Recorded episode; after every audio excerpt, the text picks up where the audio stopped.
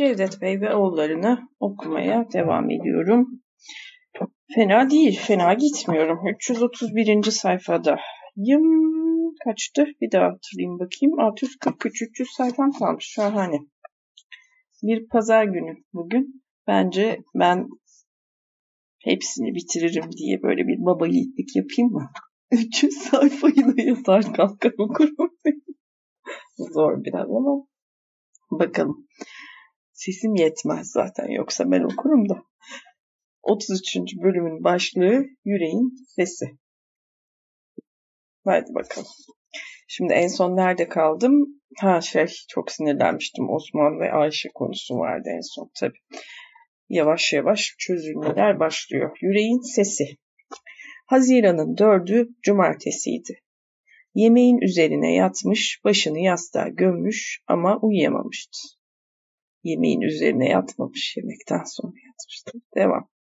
Uyuyup mühendislikte geçen sabahın yorgunluğunu üzerinden atmak, sonra Rıza Nur'un Türk tarihini okumak istiyordu. Ama gözüne uyku girmiyor, terliyor, yastığa gömülü başında kulağının arkasında nabzının atışlarını duyuyordu. Yüreği ağır ağır vuruyordu. On gün önce Mahir Altaylı biraz yüreğinizin sesine kulak verin demişti. Hmm, tamam. Muhittin'in kamerasındayız şu anda. Muhittin yüreğinin sesini dinliyor, kitaplar, dergiler okuyor, coşmak istiyordu. Coşmak ve yüreğinin coşkusuyla aklının alevini söndürmek istiyordu. Bir Türkçü olmaya karar vermişti.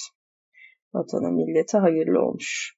Tıpkı bir delikanlının doktor, bir çocuğun itfaiyeci olmaya karar vermesi gibi bir Türkçü olmaya karar vermişti ama kararının tuhaf olduğunu düşündüğü için onlardan biraz farklı olduğunu anlıyordu.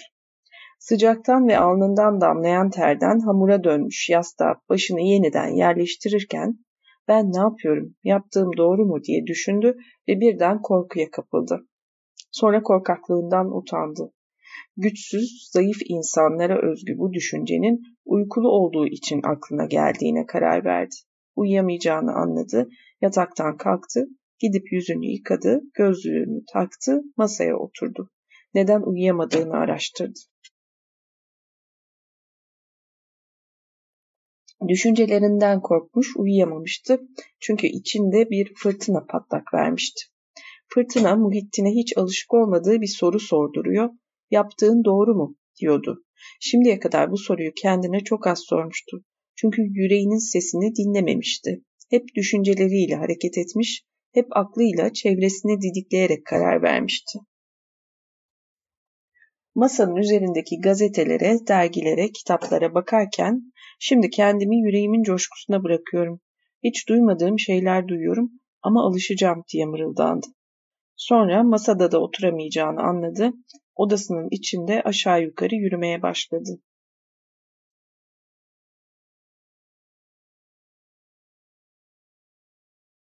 Başkalarının başına gelen şeylerden biri başına gelmiş, sanki kansere yakalanmış ya da birisini öldürmüş de alışmak zorundaymış gibi huzursuzdu. Huzursuzluğunun nedenini kestiriyor, yüreğini dinlemeye alışık olmadığı için böyle olduğunu anlıyordu ama bu sıkıntılardan nasıl kurtulacağını bilemiyordu. Tepeden tırnağa değişmem gerekiyor demek diye düşündü. Gözünün önünde eski hali canlandı. Gene bu odada, bu masada oturur, şiir yazmaya çalışır, düşünür, sonra sıkıntıyla kendini sokağa atar, eğlence arardı. Birden her şeyden, herkesten nefret eden o eski mutsuz haline özlem duyar gibi oldu. O zaman her şey aklımın önünde apaçık durur, bana bir düşünmek kalırdı diye söylendi. Ama düşünmekten başka bir şey de yapmadım ki diye ekledi. Peki şimdi ne yapıyorum? Şimdi başka bir insan oluyorum. Şüpheyle odanın ortasında durdu. Gerçekten başka bir insan mı oluyorum? Yoksa bir serüvene mi atılıyorum? Bir serüven, ünlem. Eğlenceli bir kelimeydi bu. Serüven, evet serüven çok güzel kelime. Maceradan daha tatlı bir kelime. Serüven. Ee, şeye takıldım birazcık. Ee, şair bu adam sonuçta. İlk defa yüreğimin sesini dinliyorum demesini biraz garipsedim açıkçası. Çok oturmadı şair karakteriyle. Böyle bu kadar akılcı, rasyonel olmaz ki şair. Zaten yüreğini, karnındaki sesi dinler de şiir yazar. Mühendis kafayla mı yazıyordu şiirlerini o zaman? Devam. Yazane, meyhane ve uyku arasında geçen, genç yaşta küflenen hayatını parlatıyordu. Meyhanede Mahir Altaylı'ya rastladıktan üç gün sonra Ötüken dergisine gitmiş, onu görmüştü. Mahir Altaylı onu sevgiyle karşılamış, kendisine hayranlık ve saygıyla bakan birkaç kişiye tanıtmış, sonra Hatay davasından söz edilmişti. Muhittin dergiye Türkçe olma düşüncesiyle değil, meraktan ve o günlerde aklını kurcalayan şeylerden kurtulmak için gitmişti. O insanlarla karşılaşır karşılaşmaz kendini koruması, ölçülü olması, sözlerine dikkat etmesi gerektiğini de anlamıştı. Burada insanları incelemek, onları öğrenmek ve ruhlarını avucunun içine almak gibi oynamaya yatkın olduğu bir oyunu oynamaya ya da bu oyunda oynatılmaya gönüllüler olduğunu sezinlemişti. Hatay davasından söz ediliyordu ama Muhittin başka şeylerden söz edildiğini, herkesin kendi yetenek, zeka ve kurnazlığını sergileyip derinden derine başka bir kavgaya hazırlandığını düşünmüştü. Bu kavga kelimesi aklından geçince gülümsedi. Gene her zamanki Muhittin'im işte diye düşündü. At koşturacağım bir alan buldum. Sonra masanın üzerindeki dergileri gördü ve bütün bu düşüncelerinden utandı. Mahir Altaylı'nın sesi Hatay'da ırktaşlarımızın canını okuyorlar. Sizse burada neler düşünüyorsunuz diyordu. Ben kötü bir insandım. Bu çirkin, kendini beğenen halimden kurtulmam, yüreğimi coşturmam lazım diye düşündü ve masaya oturdu. Yüreğini coşturması gerekiyordu. Yüreği coşarak aklının o küçük, sinsi ve hınzır alevini söndürecek, Muhittin de toplumun içinde eriyip yok olacak, günahlarından arınacaktı. Bazen yıllardır günahın içinde yüzdüğünü düşünüyor, kendisine kızıyordu ama bu çok seyrek oluyordu. Geçmişini düşündüğü zaman daha çok nefret uyanıyordu içinde. Şimdi ise nefreti hedeflere yöneltmeye çalışıyordu. Hatay'da ırktaşlarımızı öldüren Fransızlar, sonra bizi arkadan bıçaklayan Araplar. E bu kadar Baudelaire hayranlığından sonra, bu kadar Fransızlara olan hayranlıktan sonra nasıl bu öfkeye ve nefrete geçecek? Çok e, soru işareti Muhittin'in Türkçe olması. Ama yok, yok, Yahudilere ve Masonlara daha çok kızıyordu. Mühendislik mektebinde bir Yahudi çocuk vardı. İlk bakışta iyi biri sanırdınız. İmtihanlarda başkalarına kopya verir, yardım eder, yaptığı ödevleri çekmeleri için tembellere çekinmeden verirdi. Ama şimdi Muhittin onun bütün bu davranışlarında bir ikiyüzlülük olduğunu anlıyordu. Sonra aklına masonlar geldi. Bütün mason dernekleri mallarını halk evlerine bağışlayarak kapanmışlardı. Ama bu tek tek bütün masonların hareketten çekildiğini göstermezdi ki. Mason deyince de aklına hep Refik abinin, Refik'in abisi Osman geliyor. Mutlaka mason olduğunu düşünüyordu onun. Tam mason tavırları vardı onda. Kendini beğenir, iyi bir tüccardır. Zübbeliye yaklaşan bir kibarlığı vardır. Elleri temiz ve bakımlıdır. İnsana sabun kokusunu hatırlatan bir konuşması vardır. Sonra Arnavutlar ve Çerkezler vardı ki bunlar Mahir Altaylı'nın dediği gibi devletin içine sızdıkları için tehlikeliydiler. Bir de Kürtler vardı. Sonra tabii komünistler vardı. Birden çenesini bütün gücüyle açarak esnedi. Sonra gerine gerine bir daha esneyerek deliriyorum galiba diye düşündü. Ne oluyor bana? Nasıl biri oluyorum? Bir Türkçü oluyorum. Daha da tam olmadım ama olacağım. Nasıl oldu da böyle oldum? Hemen aklına Mahir Altaylı'ya rastladığı o gece geldi. O gece Türkçe öğretmen meyhaneden çıktıktan sonra Muhittin bir kadeh daha içki içmiş, sonra randevu evine gitmeden doğru evine dönmüştü. İşte her şey bundan diye düşündü. Randevu evine gitseydim adamın sözleri büyüsünü kaybedecek, bana değersiz gözükecekti. Böylece o dergiye de gitmez, eski, eskisi gibi olurdum.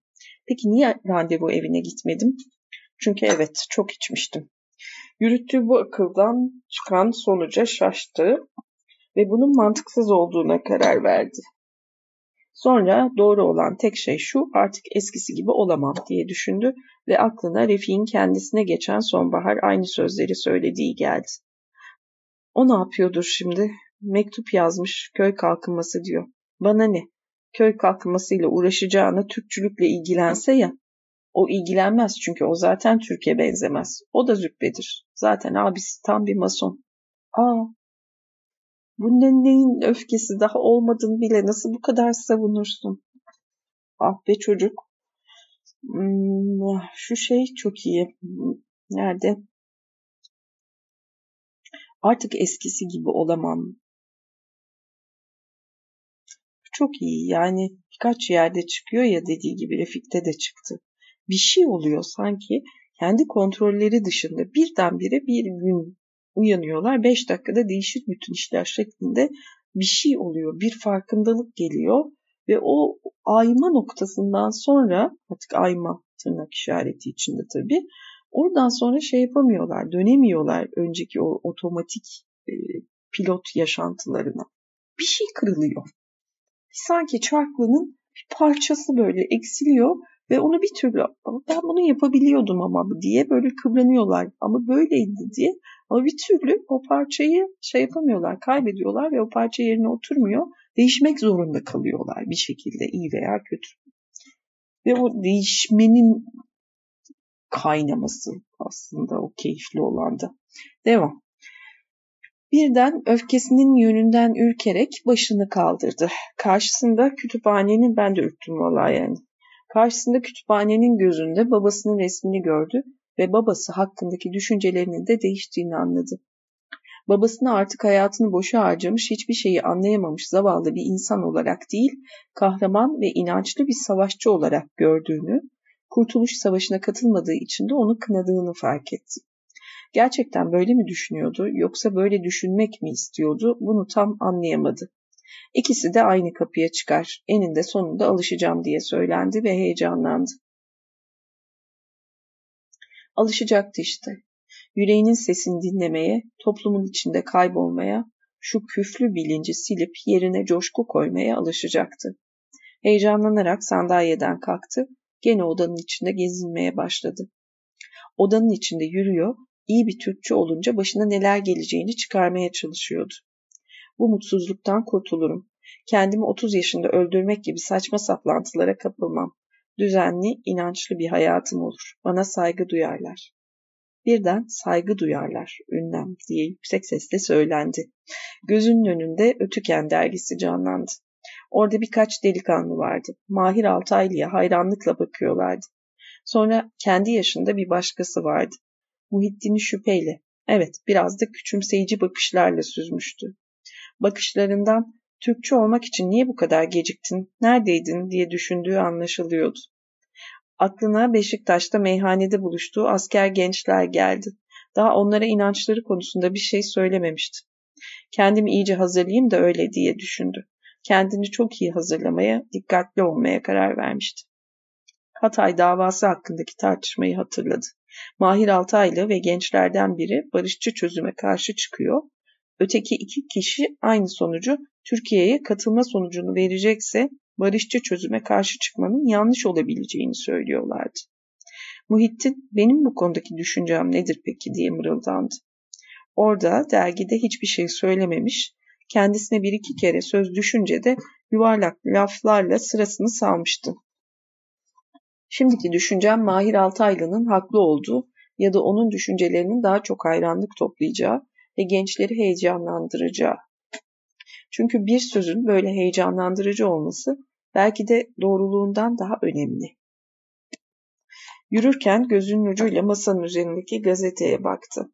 Gazetede sekiz sütunluk bir başlık vardı. Hatay'da örfi idare ilan edildi. Dün de başbakan bu konuda mecliste açıklamalar yapmıştı. Olup biteni ayrıntılarıyla düşünmeye çalıştı ama Hatay'ın bağımsız bir devlet olduğunu, orada seçimler yapıldığını, seçim listeleri için kayıt yapılırken çeşitli toplulukların çatıştığını gözünün önünde canlandırmaktan başka bir şey yapamadı. Bu konulardaki Türkçülük konusundaki bilgisizliğinden utandı ve yeniden masaya oturdu. Masanın üzerinde Rıza Nur'un Türk tarihi, Ziya Gökalp'in kitapları, bazı makaleler, dergiler ve Sonay'ın gazeteleri vardı.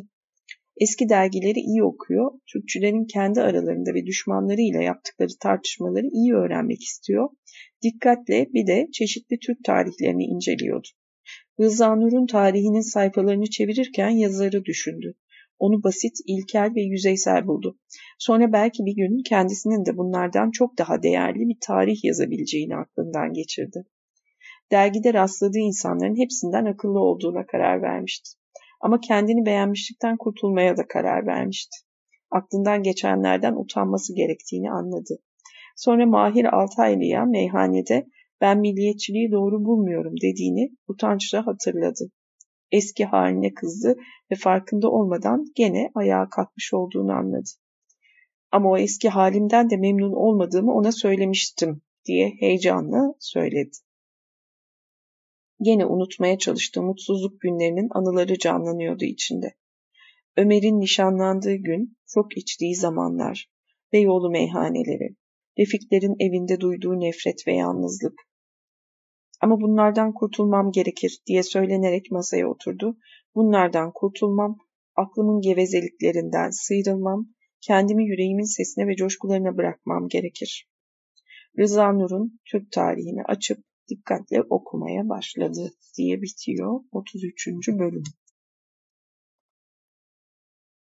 34. bölümün başlığı ziyafet. Kerim Bey, o hoş geldiniz her dedi.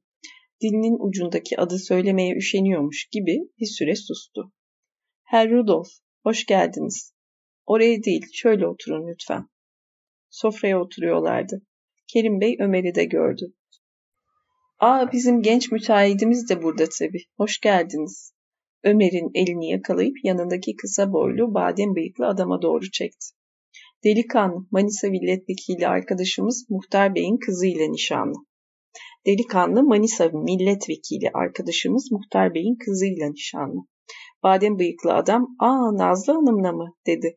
''Çok cici, çok hanım bir kızımızdır. Tebrik ederim.'' Ömer gülümsedi. Badem bıyıklı adam da ah seni seni işini şah diye düşünüyormuş gibi gülümsedi. Amasya milletvekili ve Doğu illerinden birinin parti müfettişiydi. Kerim Bey dostlarını, bazı müteahhit ve mühendisleri her yıl verdiği bu akşam yemeğine çağırırken Doğu gezisinden dönen parti müfettişi İhsan Bey'in de konuklar arasında olacağı haberi yayılmıştı. Bu da bir başka genç mühendisimiz, mühendisimiz dedi Kerim Bey. Refik'i de parti müfettişine tanıttı. Sonra Refik de Ömer'e bakarak başladığı bir cümleyi başka bir mühendise gülümseyerek bitirdi ve kolundan tuttuğu İhsan Bey'i masanın öteki ucuna tanıştırılacak öteki insanlara doğru çekti. Yarım saattir sofranın çevresinde aç kediler gibi dolanan konuklar yavaş yavaş sandalyelere oturdular. Ateşin üzerinden az önce indirilen kuzunun parçalanmasını bekliyorlardı. Beyaz elbiseli bir ahçıyla bir uşak ileride bir ağacın altında hayvanın üzerine eğilmiş kesiyorlardı. Az önce Kerim Bey'in barakasının çevresinde Az önce indirilen kuzunun, ateşin üzerinden az önce indirilen kuzunun, ha kuzuyu kesiyorlar, pişmiş kuzuyu, bir an canlı kuzuyu kesiyorlar zannettim. Az önce Kerim Bey'in barakasının çevresinde jeneratörün gücüyle aydınlatılmış geniş salonunda küçük topluluklar halinde fısıldaşan konuklar susmuşlar, sofrada oturan Kerim Bey'i dinliyorlardı. Kerim Bey, Sivas-Samsun demiryolunun yapımıyla ilgili bir anısını anlatıyordu. O anlatırken herkes dinliyor. Arada bir onu onaylayan İhsan Bey ile anlatılanları karısına çeviren bir Danimarkalı mühendisin sesinden başka bir ses duyulmuyordu. Parçalanmış et sofraya gelince herkesin dikkati bir noktada toplandı. Beyaz önlüklü ahçı parçaları dağıtmaya koyulunca İhsan Bey Doğu gezisini anlatmaya başladı. Geçen yılın Dersim harekatından sonra doğuda huzur sağlanmıştı. Artık kimse eşkıya korkusuyla titremiyor, kimse yarın kim bilir ne olacak diye endişelenmiyordu huzur ve düzeni sağlayan yalnız askerin gücü değil, ayrıca Cumhuriyet'in bayındırlık ve eğitim seferberliğiydi. İhsan Bey sık sık dönüp Kerim Bey'e bakarak konuşuyordu ama herkes parti müfettişinin aslında bütün sofraya, özellikle geçen seneki harekat yüzünden paralarını vaktinde alamayan müteahhitlere seslendiğini anlıyordu. Müfettiş bunları söyledikten sonra Elazığ'da bir köprünün açılış töreninde başından geçen gülüç bir olayı hatırladı. Valinin kızgın güneş altındaki açılış konuşması iyice uzamış, bu sırada bir eşek anırmaya başlamış, uzaktan birisi de sustursanıza şu eşeği demiş. Memurlar arasında birisi gülmüş, sonra o gülen küçük memurla eşeğin sahibini vali akşam karakola çektirip dövdürmüş. Parti müfettiş bunu anlattıktan sonra hoşgörülü bir tavırla gülümsedi. Bu gülümseyişle sanki masadakilere hayatta iyilikle birlikte ne yazık ki kötü, acıklı hatta gülünç olan da vardır. Ben bunları da sizlere anlatmaktan çekinmiyorum diyordu. İhsan Bey'den sonra yaşlı bir devlet denetçisi de bu hoşgörülü havanın etkisiyle Filios hattında başından geçen bir olayı anlatmaya koyuldu. O da anlatırken arada bir Kerim Bey'e bakıyor. Konuklar da önlerine testilerle konan buzlu kaçak rakıdan içip dinliyorlardı.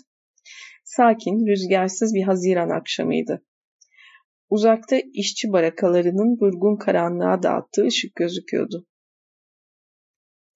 Etle birlikte sofraya kocaman büyük bir tepsinin içinde pilav da getirilmişti. Bu pilavın dağıtımı uzun sürdüğü için yemeğe bir türlü başlanamamış, konukların çoğu ilk kadeh rakıyı aç karnına içmişlerdi. Ömer bu erken içilen ilk kadehin bazılarını gevşettiğini, sofradaki düzenli saygılı havanın yavaş yavaş dağıldığını görüyordu.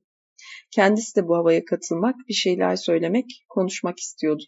Konuşmayı Kerim Bey'in insanı ezen, güçlü, her şeye hakim olan kişiliğinden çekinmediğini göstermek, kendi varlığını hissettirmek için mi istiyordu, yoksa içinden yalnızca neşelenmek geldiği için mi istiyordu açıkça bilmiyordu. Ama sofrada oturdukça bu isteğin arttığını anlıyordu. Bir süre Rudolf ve Refik ile bir şeyler konuştu ama onlarla bu masada konuşabileceği şeyler sınırlıydı. Çünkü fısıldaşarak konuşamazlardı. Üstelik aylardır durmadan aralarında konuştukları için birbirlerine söyleyecek şeyleri de kalmamıştı. Filios hattında başından geçenleri anlatan yaşlı devlet denetçisi hikayesini bitirip güldükten sonra İhsan Bey bu hikayeden çıkarılacak dersleri özetleyen bir konuşmaya başladı. Bunun üzerine Ömer ne olursa olsun birisine bir şey anlatmak, kendi sesini duymak için karşısında oturan orta yaşlı sessiz mühendise dönerek geçen yıl başından geçen ve hiç de ilgi çekici olmayan bir olayı anlatmaya başladı. Mühendisin başka yere Kerim Bey'e bakmasına izin vermemek için gözlerini gözlerine dikerek uzun bir süre onu esir aldı. Ama hikayenin bittiği ve gülünmesi gereken yere geldiği zaman mühendisin sofranın merkezine özür diler gibi baktığını görünce istediği neşeyi bulamayacağını anladı. İçinden sofradan kalkmak geldi ama rahat rahat karnını doyuran Refik'i görünce bunu yapmadı. Refik hiç konuşmuyor, sofrada anlatılanları dinliyor, insanları seyrediyor, bol bol yiyordu. Sanki bu sofrayı uzun zamandır doyuramadığı gövdesini yiyecekle, gözlerini de değişik insan yüzleriyle beslemeye gelmişti. Anlatılan şeylere herkes gibi yüzeysel bir heyecan duyuyor, arada bir gülümsüyor, tabağına yeniden pilav alıyor, dertsiz tasasız oturuyordu. Uzun ve yorucu bir işi başarıyla bitirip ziyafet sofrasına koşmuş bir insan gibi rahat ve huzurlu gözüküyordu. Ama Ömer onun geceleri rahat uyuyamadığını, aylardır üzerinde çalıştığı şu köy kalkınması ile ilgili tasarılar için kendi geleceği, hayatı için endişelendiğini, korkulara kapıldığını biliyordu. Kerim Bey ile İhsan Bey bir ihtiyarı dinliyorlardı. Ömer'in de işi düştüğü için tanıdığı bu ihtiyar, mühendis olmamasına rağmen geçen yıl devletin resmi denetçi kadrosuna alınmıştı. Herkes hesap kitaptan anlamayan bu adamın bu göreve getirilişini, tecrübesi ve daha çok hastalık derecesine varan titizliği ve namusuyla açıklıyordu. Şimdi olunan Kerim Bey, Kerim Bey ile İhsan Bey bir ihtiyarı dinliyorlar. Hı. Mühendis olmamasına rağmen geçen yıl devletin resmi denetçi kadrosuna alınmış bir ihtiyardan bahsediyor. Herkes hesap kitaptan anlamayan bu adamın bu göreve getirilişini tecrübesi ve daha çok hastalık derecesine varan titizliği ve namusuyla açıklıyordu. İhtiyar denetmen geçen yıl bu görevde olmadığı için bu yemeğe de çağrılmamıştı. Şimdi hayatında ilk defa çağrıldığı böyle bir yemekte parti müfettişine de rastladığı için galiba çok heyecanlanmıştı. Ateşli ateşli bir şeyler anlatıyor bazı haksızlıkların düzeltilmesi için neler yapılması gerektiğini söylüyor. Herhalde önceden düşündüğü, hazırladığı cümleleri heyecandan birbirine karıştırdığı, insana hayatta bir kere gelen şu fırsatı iyi değerlendiremediği için kendine kızıyordu.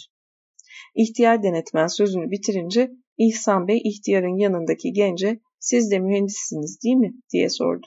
Bu durumda ne yapabiliriz? Bu durumda ne yapılabilir? Bu durumda bordroların ve cetvellerin düzenlenmesine bir ay önceden başlanır ve bütün bu şikayetler hemen tatlıya bağlanır dedi genç mühendis. Parti müfettiş de ihtiyara aceleyle gördünüz mü dedi. ve telaşlanan denetmenin cevabını beklemeden sofranın çevresindeki koşturan aşçıya bana biraz daha pilav ver bakalım dedi. Sonra badem bıyıklarının altında gizlenmiş gibi duran küçük ağzını rakı kadehine dayadı, bir yudum aldı ve gözünün ucuyla ihtiyar denetmene bakıp inkılaba ve devlete güvenin dedi. Elbette her şey kusursuz değildir ama böyle küçük kusurları büyütmek sizi inkılap düşmanlarının yanına götürür. Oysa bir yanlışlık yapmaktan korkan herkes devletle birlikte olmalıdır. Üstelik şimdi Hatay davası her şeyden önemli. Neşe ve gürültü artıyordu. Artık sohbet sofranın merkezindeki hareketle değil, konukların kendi aralarında oluşturduğu küçük toplulukların gayretiyle sürükleniyordu. Arada bir Kerim Bey'in herkesi bastıran sesi duyuluyor ama konuklar kendi konuşmalarını sürdürüyorlardı. Masanın bir ucunda iki kadın vardı. Bunlar Danimarkalı mühendislerin karılarıydı. Yan yana oturmuşlar, aralarında kendi dilleriyle konuşuyorlar, dikkatle rakı içiyorlar, gülüyorlardı. Masanın öbür ucundaki erkekler arada bir kadınlara bakıyorlar, rakıyla birlikte sigara içiyorlar, sohbeti dinliyorlar. Sonra kimseyle göz göze gelmeyecekleri bir an yeniden kadınlara bakıp düşünceli düşünceli sigaralarını tüttürüyorlardı. Ömer onların bu yabancı kadınlarla kendi hayatları ve istekleriyle ilgili bir şeyler düşündüklerini yüzlerinden anlıyor. Onlardan birini çirkinleşmiş bir yüzle kadınları seyrederken görünce Nazlı'yı düşünüyor.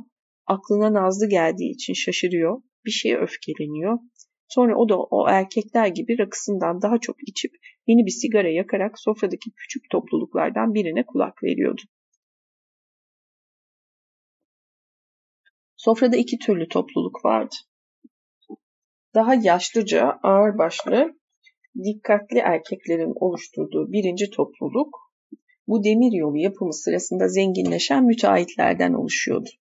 Soyadı kanunu çıktığı zaman Demirağ, Yol Açan, Demirbağ, Kayadelen gibi soyadları alan bu yeni zenginler 6-7 yıl önce ya bir ufak taşeron ya da yeni bir mezun bir mühendis ya da bir devlet memuruydular.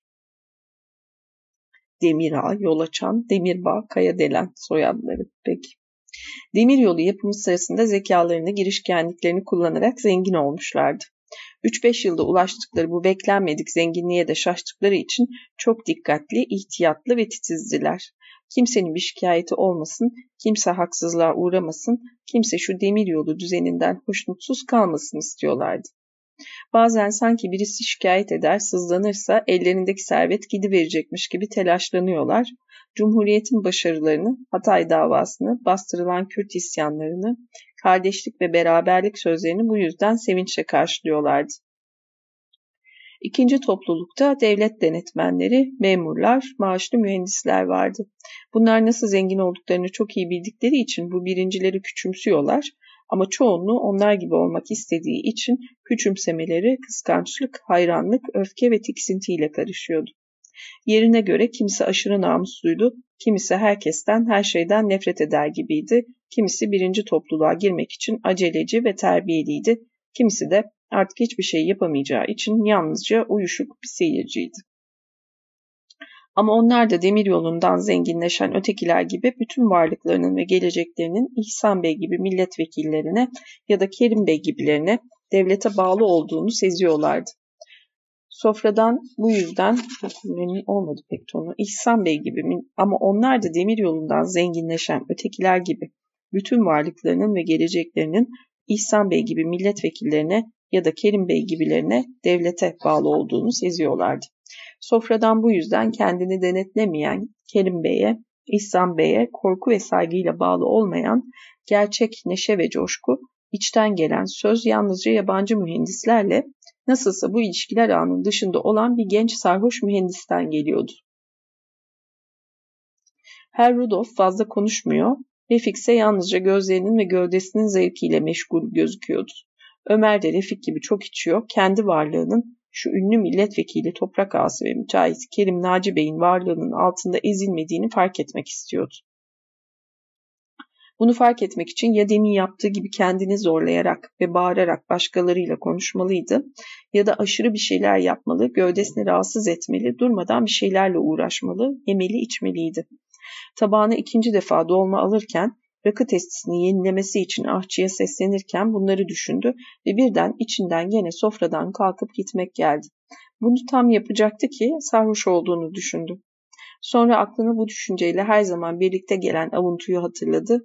İçki benim yalnızca mideme vurur. Birden ayağa kalktı. Ayağa kalkarken Herr Rudolf'la göz göze geldi ve hiçbir şey düşünmeden mırıldandı. Ben helaya gidiyorum. Herr Rudolf anlayışlı bir tavırdı. Ya çok iyi değil mi? İçinde fırtınalar kopuyor. Orada dünyalar yandı, yıkıldı, sesim duyuramadım falan. O boğuştu. Sonra kalk ben helaya gidiyorum diye. Herr Rudolf anlayışlı bir tavırla gülümsedi. Yanında oturan bir başka mühendis de gülümsedi. Ömer helaya doğru yürüdü. Kerim Naci Bey'in lojmanında geçen yılda yemek yediği için biliyordu. Kapıları açtı, kapadı. Helaya girerken kusmak istiyorum galiba diye düşündü. Sonra deliğe doğru eğildi ve kustu. Muslukta ağır ağır suratını yıkadı. Aynaya baktı. Yüzü beyaz değildi. Renkli ve sağlıklıydı. Heladan çıktı. Sofranın gürültüsünü duydu ama oraya gitmek istemedi. Yana açılan bir kapı vardı. Oradan kıpırtısız gecenin içine durgun karanlığa çıktı.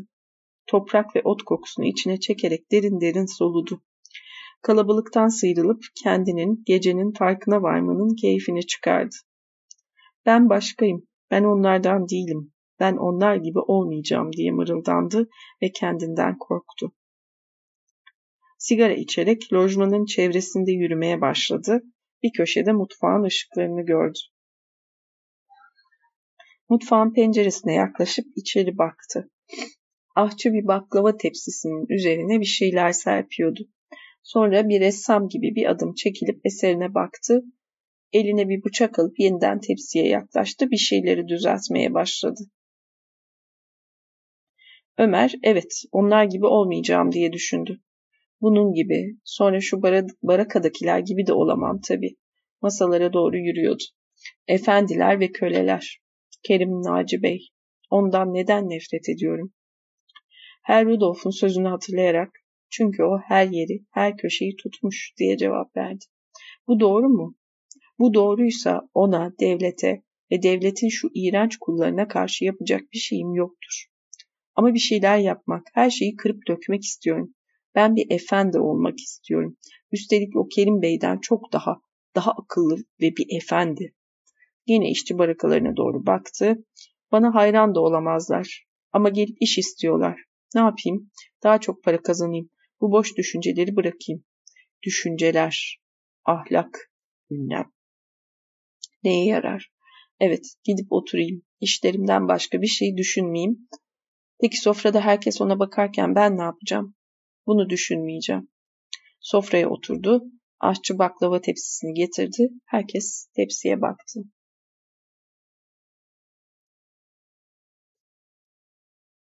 Ne yapayım? Daha çok para kazanayım. Bu boş düşünceleri bırakayım. Düşünceler, ahlak neye yarar? Evet. 34. bölüm böyle bitiyor. Baklava tepsisiyle aşçının getirdiği. 35. bölümün başlığı hep aynı sıkıcı tartışmalar. Hep aynı sıkıcı tartışmalar. Baklavalar ve meyveler yendikten sonra Kerim Bey havanın havanın serinlediğini söylüyor. Aklım bir yere gittiğinde kaçınca tabii okuyamıyorum. Hop aklı çağırıyorum. Gel buraya bakalım. ana gel, ana gel. Mevcudiyet. Hop.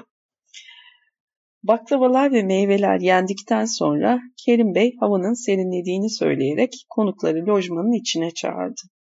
Kahveler burada içildi. Kerim Bey konuklara duvarlarda asılı akraba fotoğraflarının bir tüfeğin ve Ahmet Muhtar Paşa'nın dedesine hediye ettiği bir kemerin hikayesini anlattı. Sonra birkaç kere her şeyi unutarak esnedi ve konuklar dağılma vaktinin geldiğini anladılar. Kerim Bey kapının önünde konuklarıyla teker teker vedalaşmaya başladı. Yanında parti müfettişi İhsan Bey vardı. Ömer'i görünce gene aynı bakışla sanki işini şah diye düşünüyormuş gibi başını salladı ya da gene Ömer'e öyle geldi. Kerim Bey ise Ömer'i görünce herhangi bir yüzü gördüğü zaman yaptığı gibi alışkanlıkla gülümsedi. Herr Rudolf'u görünce de değişik bir tatlıdan almak üzereymiş gibi neşelendi. Herkese söylediği sözleri ona da söyledikten sonra, onlara da söyledikten sonra birden Ömer'e döndü. Düğün ne zaman bakalım? Eylül'den sonra dedi Ömer. Kerim Bey'in yüzünü yakından gördü. Dar bir alnı, kalın kaşları, birbirine yakın büyük gözleri vardı. Eylül'e kadar köprü ve tünel yetişecek mi? Büyük gözleri yarı yarıya örten göz kapakları kıpırdanır gibi oldu. Göz kapaklarının ağır ağır kıpırdanışı sanki Ömer'e yetiştireceğim desen de bir, yetiştirmeyeceğim desen de bir diyordu. Benim yanımda, benim dünyamda senin sözlerinin ne değeri olabilir ki? Yetiştireceğim inşallah dedi Ömer. Kerim Bey inşallah diye tekrarladı. Sonra Refik'in de elini aceleyle sıkıp onların arkasından gelen yaşlı bir müteahhide döndü. Ömer, Refik ve Herr Rudolf lojmandan çıktıktan sonra uzun süre bir şey konuşmadan yürüdüler. Sonra Refik gerine gerine esnedi. Oh be ne geceydi yahu. Arkadaşlarından karşılık almayınca da şüpheyle ekledi. İyi eğlendik değil mi? Eğlendik mi Herr Rudolf diye Ömer sordu. Ben eğlenmedim ama doydum dedi Alman mühendis. Sonra tuhaf sinirli bir kahkaha attı. Allah hepsinin belasını versin diye Ömer bağırdı. Uzakta kalan Kerim Bey'in lojmanına duyurmak istiyormuş gibi aynı şeyi yeniden bağırdı. Sonra sarhoşum ben ulan dedi. Sözlerinde zorlama, özentili bir kabalık var mı yok mu diye düşündü. Bu herifleri görünce içimden kaba olmak geliyor dedi. Refik, aa ben de siz iyi kötü eğleniyorsunuz sanmıştım dedi. Ömer ne vardı lan eğlenilecek, ne vardı diye bağırdı. Sonra gene kabalık yapma özentisi içinde olup olmadığını düşündü. Yemek güzeldi, sonra değişik insanlar gördüm, dedi Refik. Eğlencenin özünün ne olduğunu arıyormuş gibi saf saf durup düşündü. Değişiklikti işte, diye ekledi. Değişiklikmiş yahu, diye bağırdı Ömer. Bizim hayatımız, işimiz, kanımız, canımız değişiklik, değişiklikmiş Herr Rudolf. Sen ne diyorsun bu değişikliğe? Alman gene tartışmaya, nefrete başlamak istemediğini gösteren bir el işareti yaptı. Ömer, demek değişiklik ha diye gene bağırdı. Buraya da onun için geldin galiba. Değişik şeyler görmek için hayvanat bahçesine gelir gibi bizi... Üç nokta. Birden sustu. Refik'in suratını gördü. Hayvan herifin tekiyim ben Refik'cim diyerek arkadaşının koluna girdi. Bir süre sessiz yürüdüler. Ömer Refik'in kolunu sıktı. Sarhoş olup olmadığını düşünmeye başladı. Sarhoş olmadığına, yalnızca coşkulu olduğuna, sarhoşmuş gibi davranmaktan hoşlandığına karar vererek Refik'in kolundan çıktı. Karanlıkta zor görülen bir tümseyin üzerinden atladı. Sonra bir maniye başladı. Ben bir yeşil fenerim, hem yanar hem sönerim. Ben nişanlı değilim, kime olsa dönerim. Bu nereden aklına gelmişti? Hatırladı. Anneannesi söylerdi. 7-8 yaşındayken kendisi de sıkıntıyla dinlerdi. Güzel bir şeymiş ama saçma diye düşündü. Anneannesini, babasını, teyzesini, başka şeyleri hatırladı. Sonra bütün bu saçmalıkları düşünmeye, söylemeye hakkım varmış gibi davranıyorum. Sarhoş numarası yapıyorum. Oysa hiçbir şeyim yok dedi ve sustu. Uzun bir süre hiçbir şey konuşmadan yürüdüler. Arada bir havlayan köpeklerin, cırcır böceklerinin ve karasunun sesi duyuluyordu. Kendi lojmanını görünce Herr Rudolf artık benim için yalnızca Amerika var dedi. Kendin, kendine konuşur gibiydi. Yalnızca Amerika var. Sonra birden Refi'ye döndü. Peki siz ne yapacaksınız? Siz nasıl çıkacaksınız işin içinden? Eliyle göğü toprağa işaret etti. Bu karanlığın içinden. Ömer alaycı bir sesle her gecenin bir sabahı vardır dostum dedi. Bizim için endişelenmeyin. Gülmeye başladı. Refik ben o kadar mutsuz değilim ki dedi. Herr Rudolf o zaman içeri gelin size birer kahve yapayım konuşalım dedi. Bu konular aralarında çok konuşuldu. Her seferinde sabahlara kadar bir sonuca varılmadan tartışıldığı için önce Ömer içeri girmek istemedi. Ama sohbet isteyen Alman'a acıdığı için tartışmaya katılmamaya karar vererek biraz otur oturabileceğini söyledi. İçeri girdiler. Herr Rudolf sabaha kadar uyuyamayacağını söyleyerek jeneratörü çalıştırdı, kahveleri yaptı. Her zaman oturduğu koltuğa otururken tartışmayı alayları ve iğnelemeleriyle kesip kesmeyeceğini anlamak istiyormuş gibi Ömer'e baktı. Sonra Refi'ye döndü. Özür dilermiş gibi. Yeni bir şey söyleyemeyeceğim size dedi.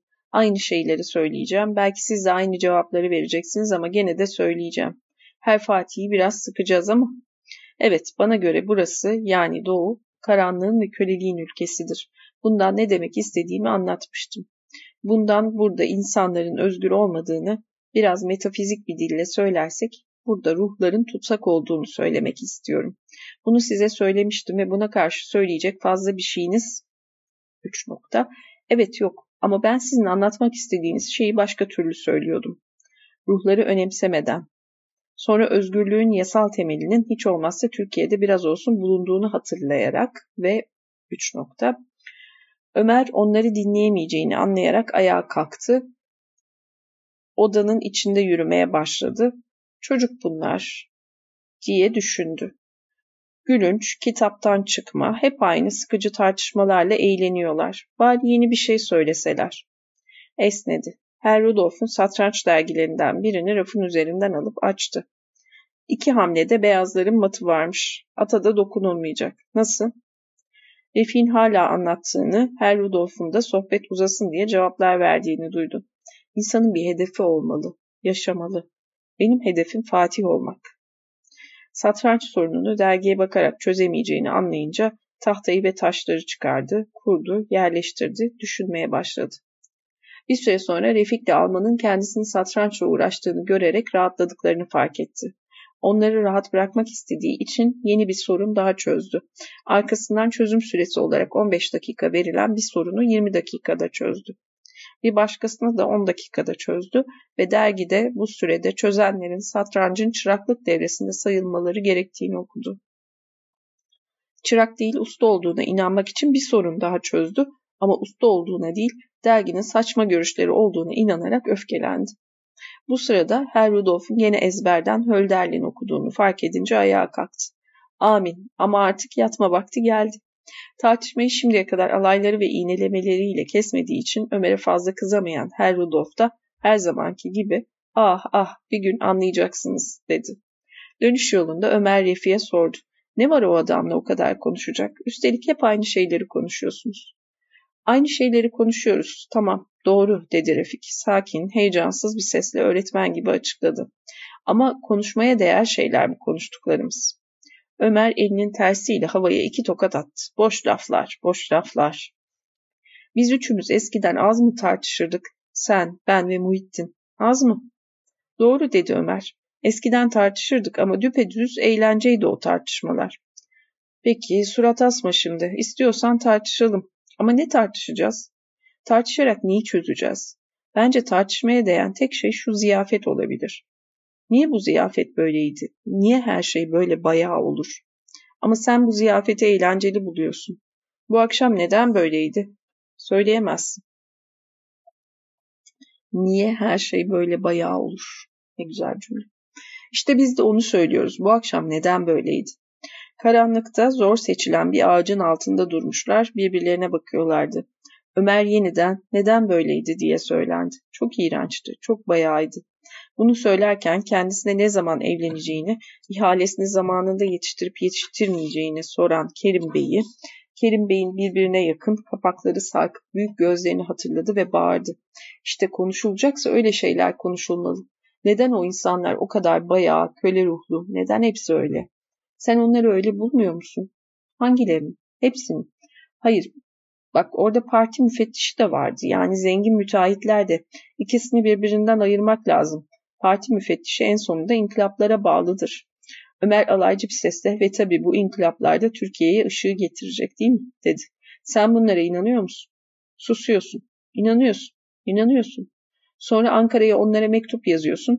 Onlara köy kalkınması tasarılarını vereceksin. Haha. Anladın mı şimdi durumunu? Bir defa onlar dediklerinle değil yalnızca Süleyman Ayçelik'le mektuplaşıyorum. Sonra senin inkılaplar hakkındaki düşüncelerinin bu kadar küçümseyici olduğunuzu ilk defa öğreniyorum. Ömer aceleyle hadi hadi dedi. Sözü başka yerlere çekme. Onlarla hiçbir şey olmayacağını senin de anladığını biliyorum. Onlarla hiçbir şey olmaz. İşte burada ayrılıyoruz dedi Refik. Şimdiye kadar her şeyde anlaşmışlar da şimdi bir anlaşmazlık noktası çıkmışmış gibi heyecanlandı. Ben bir şeyler yapılacağına inanıyorum. Sense hiçbir şeye. Ömer aceleyle ben kendi yapacağım şeylere inanıyorum dedi. Sonra uzun bir sessizlik oldu. Refik hayır işte bunu anlayamıyorum dedi çok sonra. Sen yapılanı görmüyorsun. Şimdi herkes eskisinden daha özgür. Şu karanlık eskiden olduğundan daha az koyu. Bunu aklına yerleştir. Bir şeyler yapılıyor, yapıldı, yapılacak. Söyleyecek daha çok şeyi varmış da şimdi bir türlü aklına gelmiyormuş gibi sinirli sinirli kıpırdanıyordu. Daha özgür ha dedi Ömer. Alaycı olduğunu göstermek istiyor ama boğazından duygulu boğuk bir ses çıkıyordu. Daha özgür ha. En özgürleri de bunlar. Eliyle karanlığın bir köşesini işaret etti. Yarım saattir yürüdüklerine göre işçi barakaları orada olmalıydı. En özgürleri. Gelip bize işe girmek için yalvarıyorlar. İki yıl önce altı liralık yol parasını veremiyorlar, Angarya'ya götürüyorlardı. Belki özgür dediklerin şu senin eğlenceli, değişik ziyafet masasında gördüklerindir ha? Ne dersin? Masada herkes Kerim Bey'e bakıyordu. Belki onlardır. Birden sustu. Uzakta köpekler havlıyor, ırmağın sesi işitiliyordu. Yakında bir yerde tuhaf kokulu bir ağaç ya da çiçekler olmalıydı. Burnuna tatlı yumuşak bir koku geliyordu. Refik de bir şey söylemiyordu. Ömer bağırdı.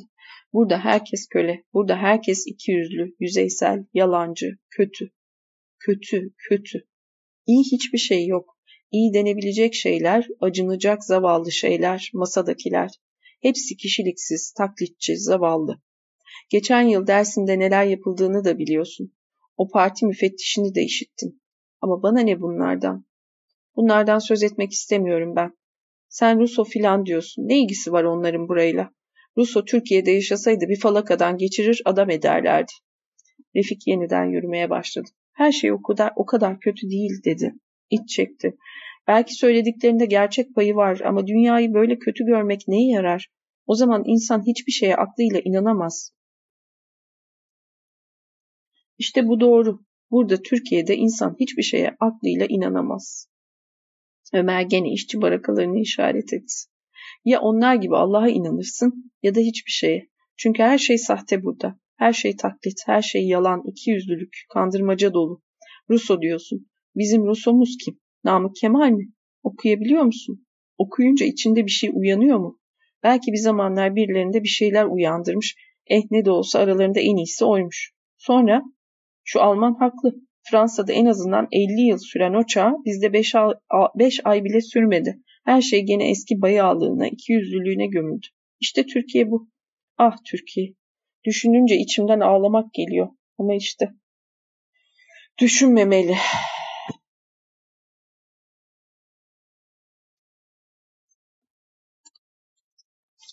Bütün bu söylediklerine inanıyorsan çok kötü dedi Refik. Nedir kötü olan? Gerçeği gördüğünü söylemek mi? Bence hayallere kapılmak daha kötü. Hem artık bunları konuşmayalım. Saat kaç? Birazdan ortalık ışı, ışıyacak. Konuşalım, konuşalım dedi Refik. Sana şimdi aklıma gelen her şeyi söylemek istiyorum. Bu düşüncelerini doğru bulmuyorum. Böyle düşünerek hiçbir şeye inanmadan nasıl yaşamaya devam ediyorsun anlamıyorum. Ne var bunda? Herkes öyle yaşıyor. Bir şeye inanmadan yaşayan bir ben miyim? Bir yıl önce sen neye inanıyordun peki? Ben mi? Refik iyi niyetle saf saf gülümsedi. Ben o zaman bir şeye inanıp inanmamak gerektiğini düşünmüyordum ki. Heyecanla ekledi. Ama sen, sen biliyorsun. Bir kere bildikten sonra olmaz artık. Yine şey gibi eskisi gibi olamam gibi. Sen biliyorsun bir kere bildikten sonra olmaz artık. 36. bölüm başlığı adaya gidiş. Vapurun lüks kısmına çıkan merdivenlerini ağır ağır tırmanırken Nigan Hanım trabzanlara sıkı sıkı sarılmıştı. Dar ve yüksek vapur merdivenlerinden, daha doğrusu vapurun her şeyinden, küçüklüğünden beri çok korkardı. Küçüklüğünden beri vapurdan çok korkardı ama küçüklüğünden beri de adada bir evi olsun isterdi. Merdiven geniş bir salona açılıyordu. Nigan Hanım salonun Heybeli Adaya geldik yahu geçemedi zihnim şeyden konuşmalarından. Mühim konuşmalardı ikisinin arasındaki. Bugünkü Türkiye ile de çok aynı olduğu için da daha bile kötü diyebiliriz bir yerde. Geçemedim Heybeli Adadaki e, evine Nigan Hanım'ın.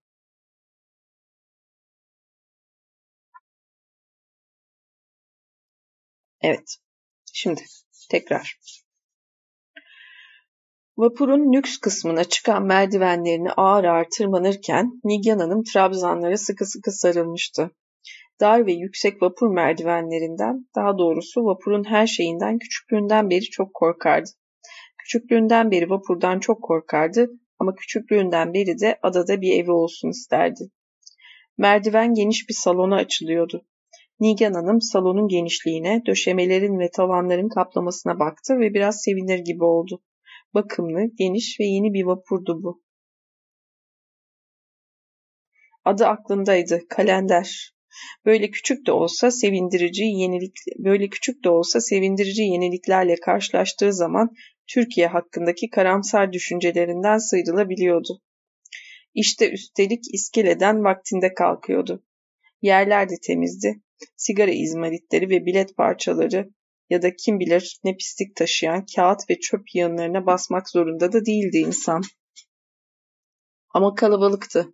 Nigan Hanım koltukları tıka basa dolduran insanlara yüzünü buruşturarak baktı. Sonra uzun bir koltuğu, üstüne koyduğu şapkalar, çantalar, kutularla işgal eden Emine Hanım'ı gördü. Onu vapurda yer tutması için önceden yollamışlardı. Ah hanımefendi az daha yetişemeyeceksiniz sanmıştım dedi hizmetçi. Kalkıp yer verdi. Yerinize oturmak isteyenler çıktı ama izin vermedim diye ekledi. Nigan Hanım oturdu. Yanına Perihan oturdu. Araya bir yaşındaki bebeği koydu. Nigan Hanım'ın karşısına Nermin oturdu. Osman onun yanına geçti ve bir sigara yaktı. Küçük torunlar Perihan'ın yanına iliştiler. Emine Hanım köşeye çekildi. Refik yoktu. Yine şey gibi oldu. O evin içinde tek tek salonda göründükleri zaman gibi. Vapura da böyle şu anda zihinde tek tek yerleşiyor okurken. Evet Emine Hanım vardı oradaydı. Nigan Hanım geldi. İşte yanına Perihan oturdu. Perihan çocuğunu bir yaşındaki bebeğini Nigan Hanım'la arasına koydu. Nigan Hanım'ın karşısına Nermin oturdu. Osman onun yanına geçti, sigara yaktı. Küçük torunlar Perihan'ın yanına iliştiler. Nermin ve Osman'ın çocuklar Perihan'ın yanına ilişti. Emine Hanım köşeye çekildi. Refik yoktu. İsviçre'ye yollanan Ayşe de yoktu. Ahçı Nuri alt katta halatların yanına konan buzdolabını bekliyordu. Bu yılda Heybeliada için ayrı bir buzdolabı alınmamıştı. Uzun tartışmalara, tatsızlıklara yol açmıştı bu konu ama Nigan Hanım şimdi iyi şeyler düşünmek, yolculuğun tadını çıkarmak istiyordu. Heybeliada'ya rahmetli Cevdet Bey'in ölümünden bir yıl önce yaptırdığı sayfiye evine gidiyorlardı. Heybeliada'ya rahmetli Cevdet Bey'in ölümünden bir yıl önce yaptırdığı sayfiye evine gidiyorlardı. Geçen yıl Cevdet Bey'in ölümü yüzünden gidememişler, hazırlıklar yarıda kalmıştı. Bu yıl Nigan Hanım hazırlıklara belki de erken başlamanın uğursuz olduğunu aklından geçirdiği için geç başlamaya karar vermişti. Bu kadar gecikmelerinin Temmuz'un bu ilk pazarına kalmalarının nedenlerinden biri buydu.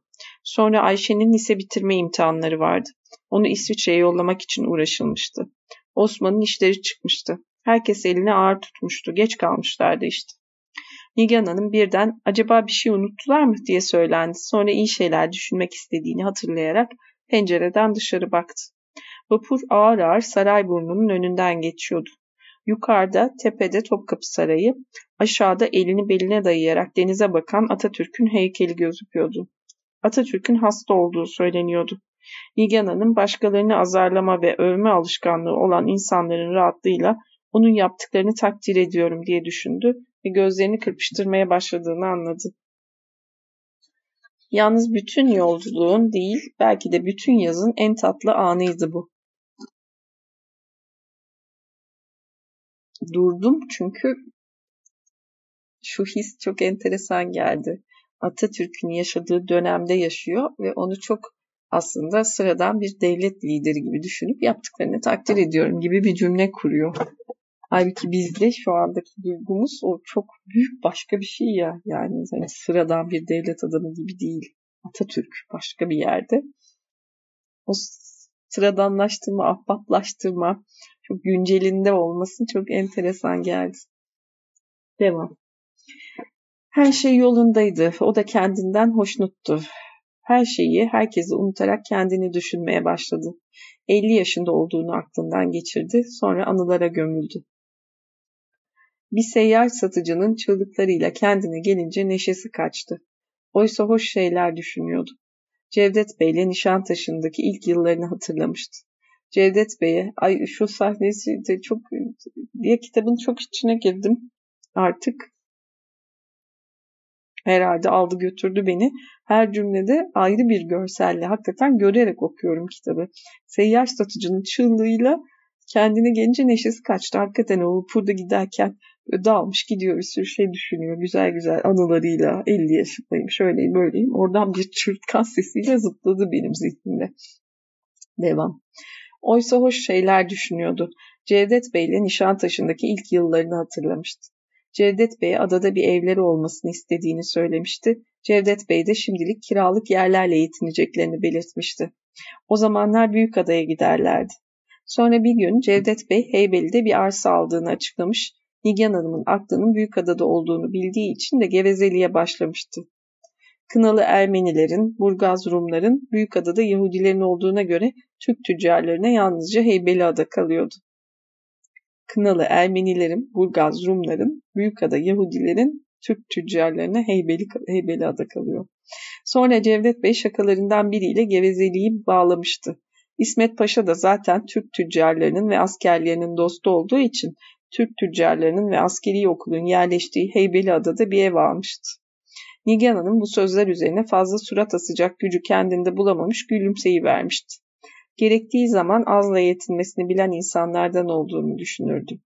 Şimdi bu düşüncenin tadını çıkararak gözlerini kırpıştırıyordu. Ama bu keyfi uzun sürmedi çünkü seyyar satıcı hala avazı çıktığı kadar bağırıyordu. 60 yaşlarında üstü başı kirli beyaz saçlı bir adamdı. Bir elinde eski bir çanta vardı. Öteki eliyle çantadan çıkardığı bir dereceyi sallıyor, sattığı şeyin marifetlerini anlatıyordu. Nigan Hanım öğrendi. Cilalı bir tahtanın içine gömülmüş olan Avrupa yapısı cilalı bir tahtanın içine gömülmüş olan Avrupa yapısı derece suda tıpkı bir gemi gibi yüzüyor, deniz suyunun sıcaklığını ölçmeye yarıyordu. Ayrıca küçük bebeklerin, hastaların banyolarında da kullanılabilirdi. Satıcı koltukların arasında gezinirken yaklaşınca Nigan Hanım onu yakından gördü. Eski ceketinin dikişleri sökülmüştü. Pantolonunda yağ lekeleri vardı. Bu millet temiz giyinmeyi, doğru dürüst konuşmayı, her sabah yıkanıp tıraş olmayı ne zaman öğrenecek diye düşündü. Gene Atatürk'ü hatırladı ve hastalığı için üzüldü. Kendisine yaklaşmasına fırsat vermemek için gözlerini satıcıdan kaçırdı. Sonra, sonra ama derecenin kullanışlı bir şey olduğunu aklından geçirdi.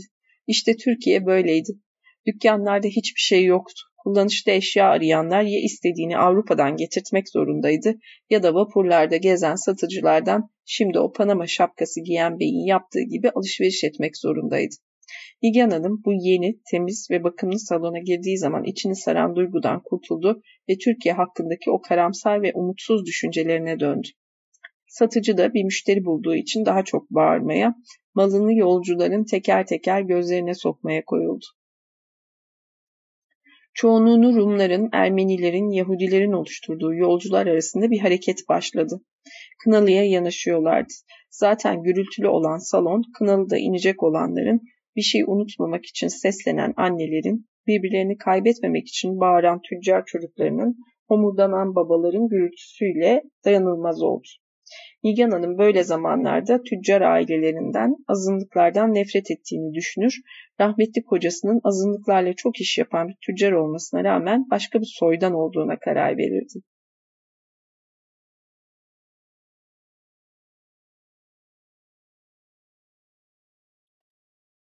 Cevdet Bey başka bir soydandı.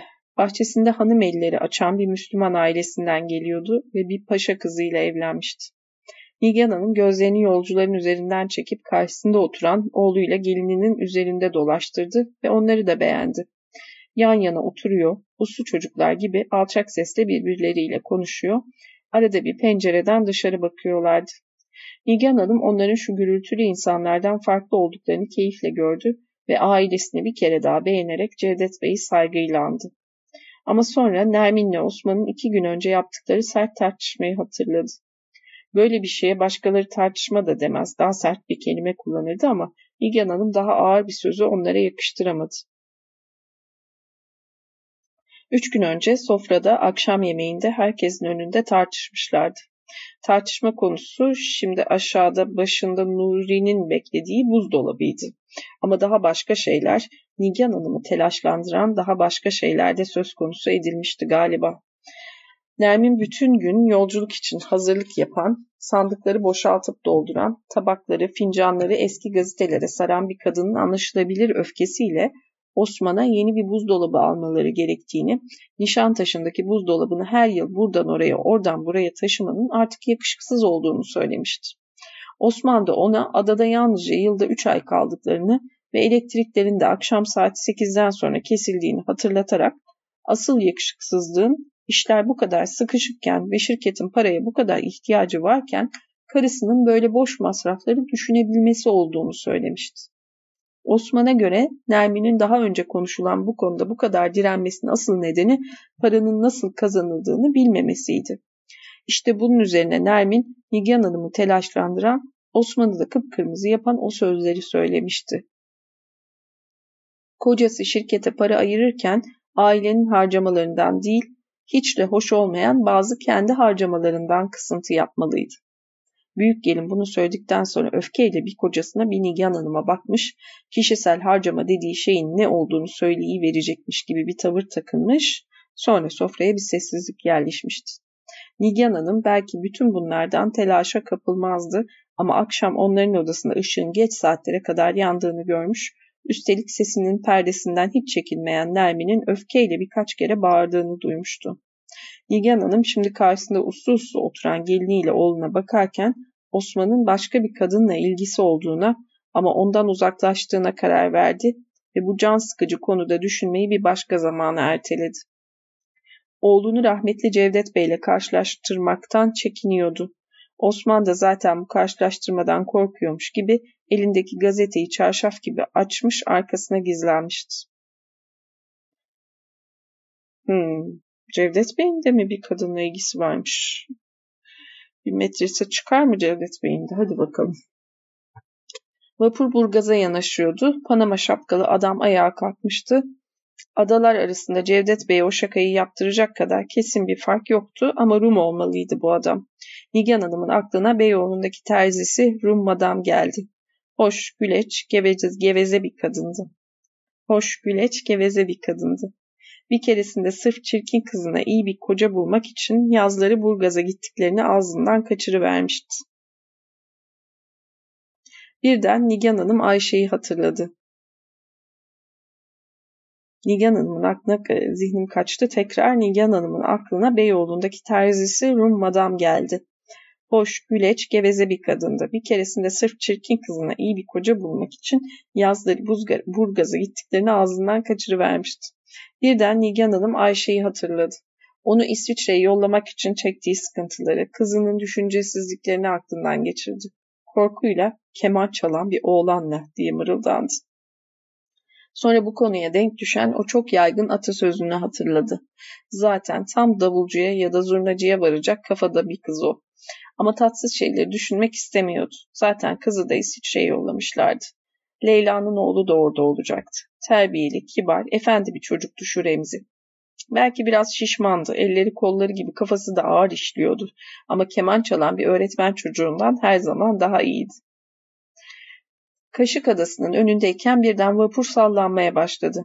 Nilgen Hanım rahmetli annesinden öğrendiği dualardan birini yarım yamalak mırıldandı ve gün geçtikçe dine yavaş yavaş bağlandığını düşündü.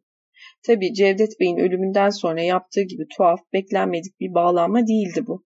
Sohbetlerinin bir kısmında bozulan sağlıklarından bahseden bütün yaşıtları gibi o da eskiden alayla karşıladığı bu konuyu artık sessizlikle geçiştiriyor, Ramazanlarda oruç, oruç tutan hizmetçi ve ahçılarla alay etmiyordu. Ama kendi sağlığı iyiydi, ciddiye alınacak hiçbir rahatsızlığı yoktu. Çok yaşayacağına inanıyordu. Bu arada 50 yaşında. Cevdet Bey kaç yaşındaydı diye merak ettim onu.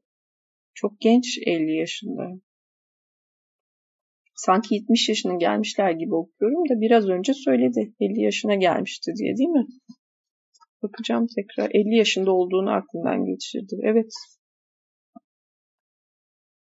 Çok yaşayacağına inanıyordu. Öfkeli olduğu zamanlar herkesin duyacağı bir sesle Cevdet Bey bekleyin beni, geliyorum yanınıza, hemen gelmek istiyorum derken bile çok yaşayacağına inanırdı. Dine bağlılığının da hiçbir zaman yobazcı olmayacağını biliyordu. İşte şimdi de Heybeli Adanın tepesinde çam ağaçlarının içindeki papaz okuluna hoşgörüyle bakıyordu.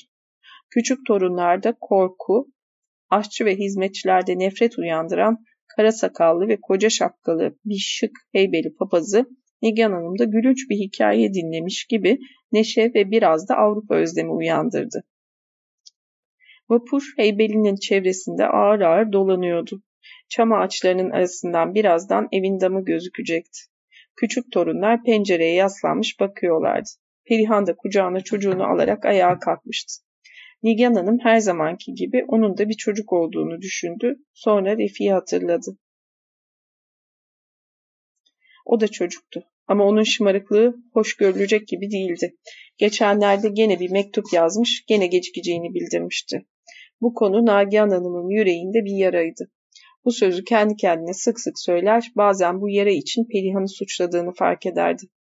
Küçük gelini kocasını evde tutmayı başaramamıştı. Tabii. Vapur Heybeli iskelesine yanaşırken ayağa kalktılar. Nigan Hanım gene bir şey unutup unutmadıklarını düşündü. Merdivenleri inerken trabzanlara gene sıkı sıkı tutundu. Torunlara dikkatli olmadıkları için söylendi. Buzdolabının başında bekleyen aşçı Nuri'yi denetledi. Vapurun içine uzatılan dar tahta iskelenin üzerinden küçük ve titiz adımlarla korkuyla yürüdü. Karaya çıkar çıkmaz at ve at pisliği kokusunu içine çekti ve Cevdet Bey ile ilk adaya gidişlerini hatırlayarak hüzünlendi. Vapurdan inen kalabalık faytonların beklediği yere üşüştü. Osman söylenerek bir fayton buldu. İçine yerleşmek uzun sürdü. Büyük torun Cemil arabacının yanına binmek istediği için azarlandı. Sonra ağır yükü alan fayton yavaş yavaş hareket etti. Bir o tarafa bir bu tarafa sallanarak hızlandı. Atların düzenli ve yorgun nal sesleri Nigan Hanım'a çocukluğunun ve gençliğinin seyrek yapılan ve hep beklenen gezilerini hatırlattı. Çarşı içinden geçerlerken Osman tanıdık yüzlere iki yıllık adalı olmalarına rağmen onları iyi tanıyan esnafa, yanlarından geçen öteki faytonların yolcularına her seferinde elini şapkasına götürerek ama şapkasını da bir kere olsun çıkarmayarak selamlar dağıttı. Tekrar çarşı içinden geçerlerken Osman tanıdık yüzlere iki yıllık adalı olmalarına rağmen onları iyi tanıyan esnafa yanlarından geçen öteki faytonların yolcularına her seferinde elini şapkasına götürerek ama şapkasını da bir kere olsun çıkarmayarak selamlar dağıttı. Her verdiği selamdan sonra da annesine kime selam verdiğini söyledi. Gözleri bu açıklamaları gerektirecek kadar zayıf olmamasına rağmen Nigan Hanım dikkatle dinledi. Kasap Foti dükkanının yerini değiştirmişti. Mihrimah hanımlar da yeni taşınıyorlardı.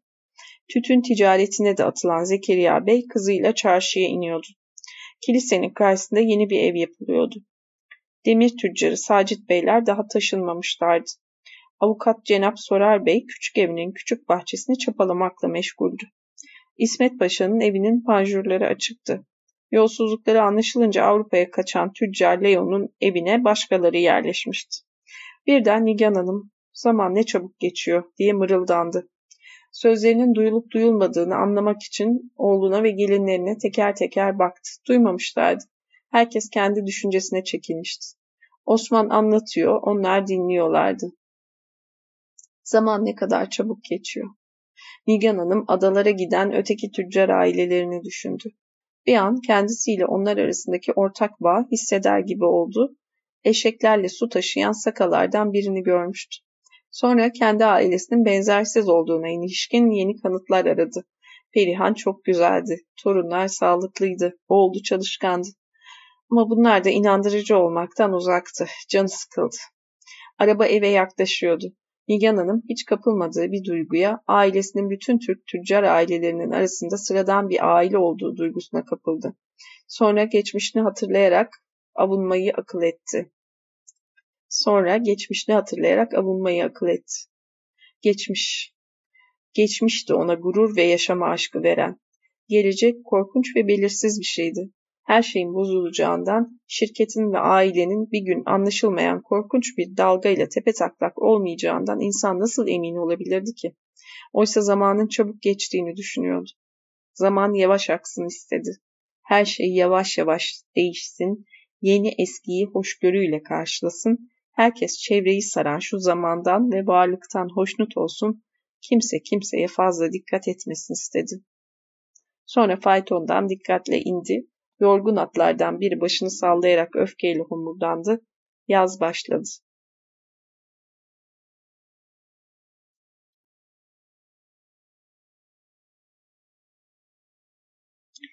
Oysa zamanın çabuk geçtiğini düşünüyordu.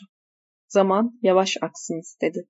Her şey yavaş yavaş değişsin, yeni eskiyi hoşgörüyle karşılasın, herkes çevreyi saran şu zamandan ve varlıktan hoşnut olsun, kimse kimseye fazla dikkat etmesin istedi. 36. bölümün sonu. Devam. 37. bölümün başlığı Ray döşeniyor. Evet, ray döşeniyor. Refik bir gürültüyle uyandı. Dışarıda tam penceresinin dibinde bir köpek havlıyordu. Sesinden tanıdı. Hacı'nın tüylü çoban köpeğiydi. Hacı'nın sesini duydu. Şşt Toraman sus diyordu. Refik saatine baktı. 12'yi geçiyor. Bugün bitecek diye düşündü. Bugün 8 Eylül 1938. Bugün Post Katarı denen ray döşeyen tren Ömer'in tüneline gelecekti. Ömer ya vaktinde ihaleyi yetiştirerek trene yol verecek ya da yarım gününe bin lira ödeyerek gecikmeyi kapatmaya çalışacaktı ama Refik Ömer'in vaktinde yetiştireceğini yatmadan önce anlamıştı. Dört saat önce yukarıya tünele çıkmış, oradaki telaş ve hareketi görmüş, anlamıştı. Belki bir yarım günlük gecikme olacağını söyleyen Ömer bunun da galiba kapatılacağını açıklamıştı. Ömer iki gündür uyumuyordu. İşçilerin çoğu da çift mesai çalışıyorlardı. Refik yataktan kalktı, gerinerek odanın içinde gezindi. Dün akşam uyuyamamıştı.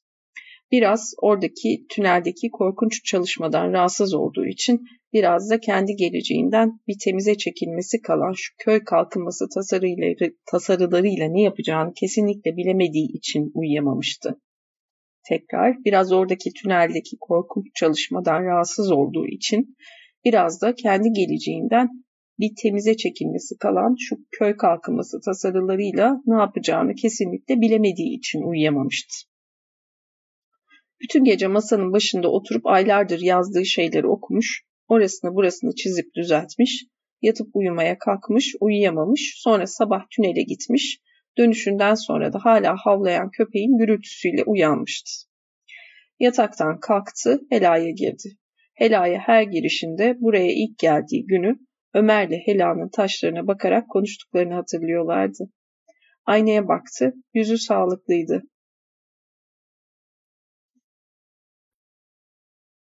Perihan görse yüzüne renk gelmiş derdi. Buraya ilk geldiği gün bıyığını da kesmişti. Yedi ay oluyordu. Suratına soğuk su çarpıp çıktı, odaya girdi, yedi ay diye düşündü, yatağın kenarına oturdu. Yedi ay yahu bir ay diye çıktığı evden yedi ay sonra. Masanın üzerinde tasarılarım dediği şeyler duruyordu. İnsanın bir elle kolay okkalayamayacağı bir kağıt yığınıydı. Dönüp dönüp yeniden okuduğu kitaplar da duruyordu. Göte'nin çerçevelenmiş resmini onların yanına koymuştu. Bu resmi bir ay önce Herr Rudolf Amerika'ya giderken vermişti. Herr Rudolf gitmiş. Göte'nin çerçevelenmiş resmini vermiş. Peki. İki bavula ve bir sandığa sıkıştırdığı eşyalarını ve kitaplarını kamyona yükletirken hediyeyi utanarak Refi'ye vermiş.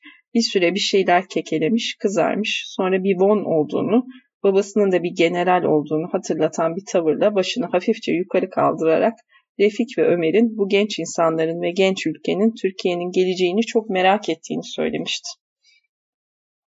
Refik ve Ömer'in bu genç insanların ve genç ülkenin Türkiye'nin geleceğini çok merak ettiğini söylemişti. Refik yatağın kenarından kalktı. Ne olacak ileride diye mırıldandı. Peki şimdi ne yapayım? Tasarılarını yazmayı bitirmişti. 10 gündür onları yeniden okumaktan başka bir şey yapmıyordu. Ömer'le birlikte Ankara'ya gidecekti.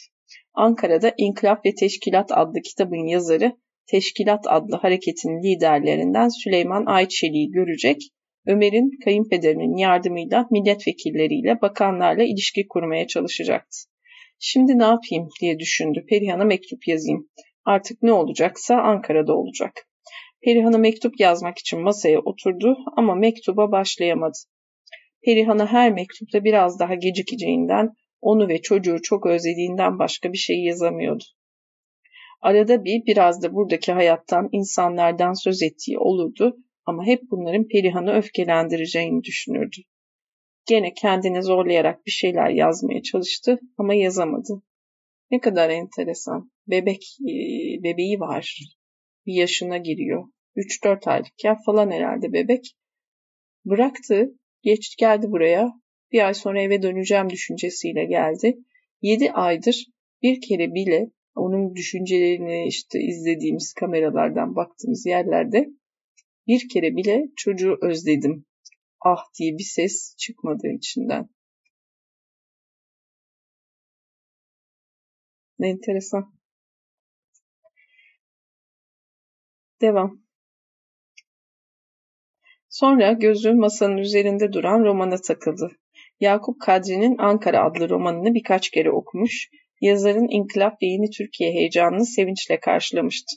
Kitabı her okuyuşunda Ankara'da kendisi gibi bir şeyler yapmak isteyen insanların varlığı aklına geliyor, rahatlıyor, endişelerinden biraz sıyrılır gibi oluyordu.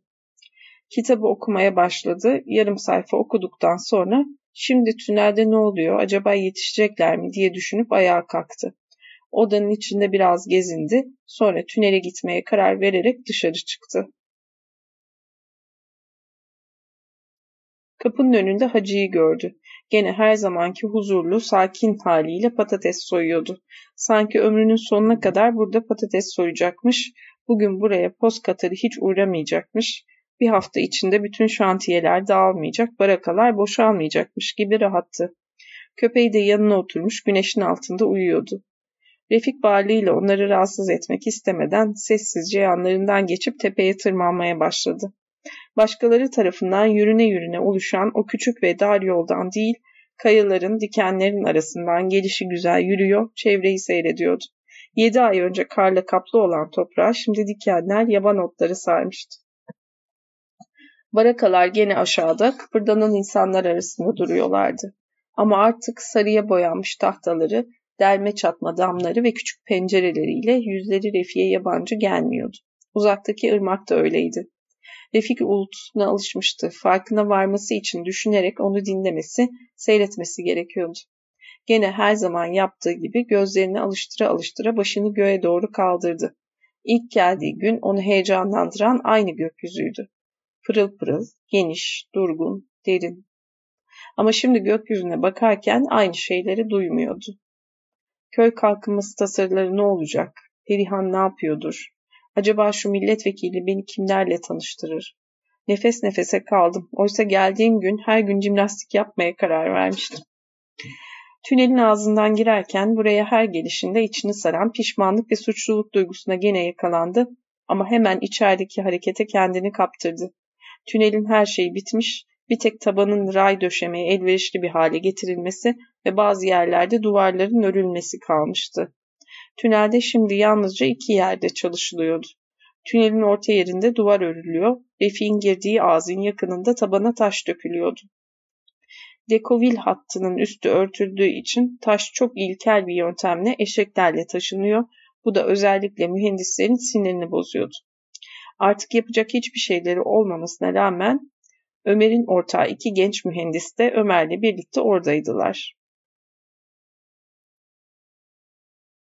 Son günün ciddiyetini, kaybedilecek zamanın değerini işçilere duyurmak için oradan oraya koşuyor, sağ sola bağırıyor, eşeklerin boşaltılmasına yardımcı oluyorlar, taş taşıyorlardı. Ömer de işçileri gayrete getirmek için aynı şeyleri yapıyordu. Bazı işçiler beylerin bu kol işine buluşmalarından kendileri sorumluymuş gibi utanarak onların el attığı yere koşuyor, onlara iş bırakmak istemiyor, bir kısmı da yorgunluktan hiçbir şey yapamıyor, bir şeye el atacak olsalar yalnızca kalabalık edip işleri zorlaştırıyorlardı. Orada kargaşanın içinde Ömer Refik'i görünce alaycı alaycı başını sallayarak gülümsedi. Refik de bir ara bir eşeğin boşaltılmasına yardım etmek için ona yaklaştı ama hayvanın sırtındaki küfeye dokunur dokunmaz bu hareketinin ne kadar saçma, zorlama ve iğreti olduğunu anlayıp oradan uzaklaştı. Tünelin öteki ağzından dışarı çıkana kadar oradan gelen bağırışları, boşalan küfelerin sesini duydu. Sessiz çalışan duvar ustalarını da gördü ama pişmanlık ve utanç duygusu gene içini sardığı için dönüp onlara bakmadı. Tünelden çıktıktan sonra rayların döşenmesi için hazırlanmış taşların üstünde yürüyerek batıya doğru ilerlemeye başladı.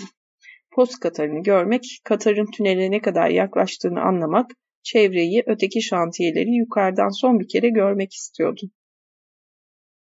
Gene tasarılarını, Perihan'ı, evini, Ömer'in çalışmasını, kendi geleceğini aklından geçiriyor ama bunların üzerinde tek tek ve uzun uzun durup bir sonuca varamadan konudan konuya bir düşünceden başkasına atlayarak arada bir gözüne çarpan ilgi çekici bir şeye, ırmağa, tuhaf bir bitkiye, barakalara ya da insan yüzünü hatırlatan bir buluta bakıp oyalanarak yürüyordu. 600 metre yürüdükten sonra post katarını Kerim Bey'in yaptırdığı bir köprünün üstünde gördü. Lokomotife çalışan işçilere fazla sokulmadan uzaktan demiryolu dersinde ayrıntılarıyla öğretilen şu ray ferşiyatı denen işlemi seçmeye çalıştı. Sonra işçilerin arasında gene demiryolu dersinde hocanın sözüne ettiği Türkiye'nin tek ray döşeyicisi ünlü Pozcu Bekir'i de gördü. Bütün demiryolu müteahhitlerinden nefret ettiği bu adamı Nişantaşı'ndan tanıyordu. Bütün demiryolu müteahhitlerinin nefret ettiği bu adamı Nişantaşı'ndan tanıyordu. Ray döşemekten kazandığı parayla Nişantaşı'nda arsa alıyor Sonra başka bir demir yolunda gene kendi usta ve becerikli takımıyla ray döşüyor, gene arsa alıyordu. Bir ara işçiler arasında sigara içerek dolaşan adamla göz göze gelir gibi olunca burada ne işim var diye mırıldandı.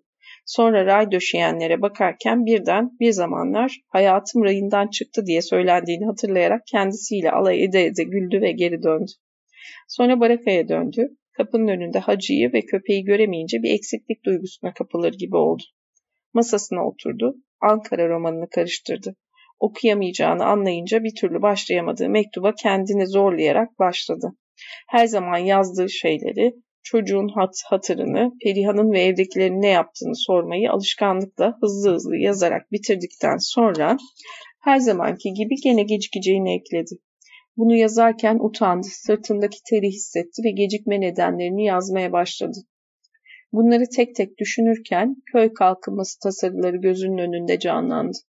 Tasarının özünü oluşturan biz bize benzeriz düşüncesinin ve bu düşünceden yola çıkarak birleştirilmiş köy birimlerine modern şehir, şehirlerin bütün olanaklarının ucuza götürülmesi yollarının açıklandığı bölümlerin Ankara romanında anlatılan inkılaplara inanmış iyi insanlar üzerinde yapacağı etkiyi hayal ederek sevindi. Tekrar tasarının özünü oluşturan biz bize benzeriz düşüncesinin ve bu düşünceden yola çıkarak birleştirilmiş köy birimlerine modern şehirlerin bütün olanaklarının ucuza götürülmesi yollarının açıklandığı bölümlerin Ankara romanında anlatılan inkılaplara inanmış iyi insanlar üzerinde yapacağı etkiyi hayal ederek sevindi. Sonra bu tasarılar mutlaka benimsenecek, bu olacak biliyorum diye heyecanla söylenerek ayağa kalktı. Göte'nin resmine baktı, sigara içerek odanın içinde gezindi. Sonra yeniden masaya oturup aceleyle mektubu bitirdi ve birkaç kere gerinince uykunun yeniden bastırdığını anlayıp yattı. Uyandığında hava kararmıştı. Saatine baktı. On. Yedi saat uyumuşum diye düşündü. Yataktan kalktı. Mum ışığında masanın üzerindeki mektubu okudu, beğendi. Orta odadan gürültüler, kahkahalar geliyordu saat 3'te yattı. Öğlen tabii onda kalktı akşamın onunda. Oraya girdi birden yoğun bir rakı kokusuyla karşılaştı. O bizimki geldi dedi bir ses. Neredeydin yahu? Refik uyuyakalmışım dedi. Sonra demin konuşanın Salih olduğunu anladı. Öteki de Enver'di. Sen daha uyu. Biz işi bitirdik. Bitti bitti diye Enver bağırdı. Şimdi ray döşüyorlar. Lokomotif geldi. Düdüğünü çaldı. Biz de ona yeşil bayrağı salladık. Nah bayrağı böyle salladık. Gel lan gel döşer ayını bakalım pozcu Bekir dedik. Bir kahkaha attı. Bayrağın nasıl sallandığını gösteriyormuş gibi elini oynatıyor, gülüyordu. Sonra birden bir şey, birden bir şey hatırlamış gibi ciddileşti. Sen de içer misin diye sordu. Masanın üzerindeki rakı şişesini kaldırıp uzattı. Refik masanın üzerinde ve köşede yanan gaz lambalarına gözünü alıştırmaya çalışıyor. Bitmiş, yetiştirmişler diye düşünüyordu. Enver sert sert sen de içer misin diye yeniden sordu. Refik Ömer nerede dedi. Patron dışarıda galiba dedi Enver alaycı bir sesle. Rüşvete boğduğu memurlardan biriyle konuşuyor. Refik dışarı çıktı. Kapıyı kaparken arkasından gelen kahkaha seslerini duydu. Barakanın önüne çıkarılan masanın üzerindeki gaz lambasını gördü.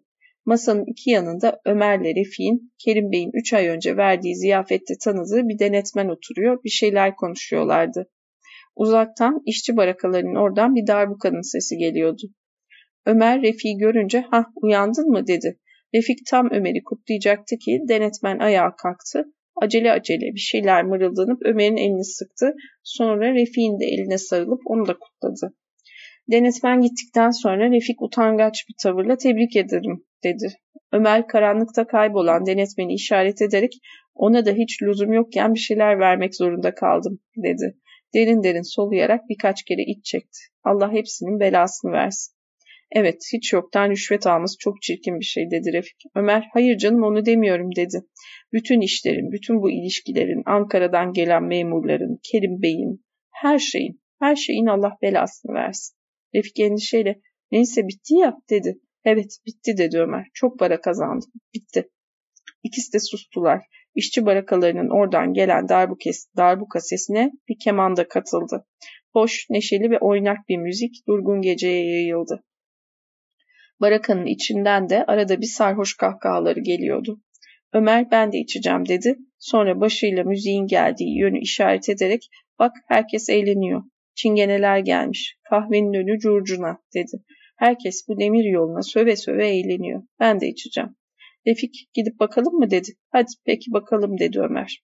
Kalkıp işçi barakalarına doğru yürüdüler. Yaklaştıkça neşelenen müzik bu durgun gecenin içinde Refik'in alışamadığı uzak ve yabancı bir şeydi. Ömer daha önceden de gördüğü için bu çingene topluluğunu biliyordu. Sivas'tan Erzurum'a kadar bütün şantiyeleri gezdiklerini, bir şantiyeden ötekine gidip çalıp söyleyip oynadıklarını, sonra kadınların, taşeronların ya da ustaların yanında gecelediklerini, yıllardır ilkbahardan sonbahara kadar böyle konaklaya konaklaya dolaştıklarını anlattı. Sonra geçen yıl gelişlerinde Kerim Bey'in şantiyesinde kızlardan biri için iki yaşlı taşeronun kavga ettiğini, bu kızın da pek güzel bir şey olduğunu homurdana homurdana ekledi. Kahveye yaklaşırken de birden Refi'ye döndü. Benim hakkımda ne düşünüyorsun? dedi. Galiba hemen bunu sorduğuna pişman oldu ve kalabalığın ortasında kızlardan birini işaret ederek işte bak demin sözünü ettiğim o dedi. Nasıl güzel mi? Kahvenin önünde 50-60 kişilik bir işçi kalabalığı vardı. Darbukacı ile kemancı bir kenara çekilmiş çalıyor, ortada iki kız oynuyordu. Kızların ikisi de güzel değildi, yorgun bir halleri vardı. Çevrelerine zorla gülümseyerek bakıyorlardı. Çevrelerindeki işçiler de pek neşeli gözükmüyorlardı. 8-10 tanesi el çırpıyor, arada bir biri bağırıyor, çoğu yorgun, uykulu gözlerle şu da aradan çıksa da gidip uyusak diye düşünüyormuş gibi esniyordu. Orada uzun süren, pahalıya oturan kanlı bir zaferden sonra evlerine dönmeyi bekleyen ama savaşın bittiğine bir türlü inanamayan bitkin askerler gibi bir şeyler bekleyerek dikilip duruyorlardı. Kahvenin içinde de masalara abanarak uyuklayan birkaç kişi vardı. Bir sarhoş kahvenin kapısına yaslanmış, sallanarak el çırpıyor, arada bir bağırıyordu. Bir ara darbuka sustu, bir durgunluk oldu. Kızlardan biri para toplarken sataşan birini itti. Birkaç kişi güldü. Kalabalık kıpırdandı. Kahvenin kapısı açılıp kapandı. 5-6 kişi ağır ağır barakalara uykuya doğru yürüdü. Sonra darbuka ve keman yeniden başladı. Darbuka çalıyor, kalabalık bir şey bekleyerek seyrediyor. Refik bu kalabalık için bir şeyler yapması gerektiğini düşünüyor. Tünele her girişinde içini kaplayan pişmanlık ve utanç duygusuna yakalandığını anlıyordu. Düşündü. Şu kalabalığın içine karışabileceğimi hiçbir zaman ileri sürmedim ama bu kadar dışarıda kalmak da çirkin. Onları niye seyrediyorum? Onlar işlerini bitirdiler, yorgunlar, yatmadan önce biraz eğleniyorlar. Ben, onlar orada, ben bütün bunlardan üç nokta. E ne düşünüyorsun öyle diye Ömer sordu. Hiç. Ben düşünüyorum dedi Ömer. Dönüp içeceğim. Refik iyi, ben de birazdan gelirim dedi. Belki biraz dolaşırım.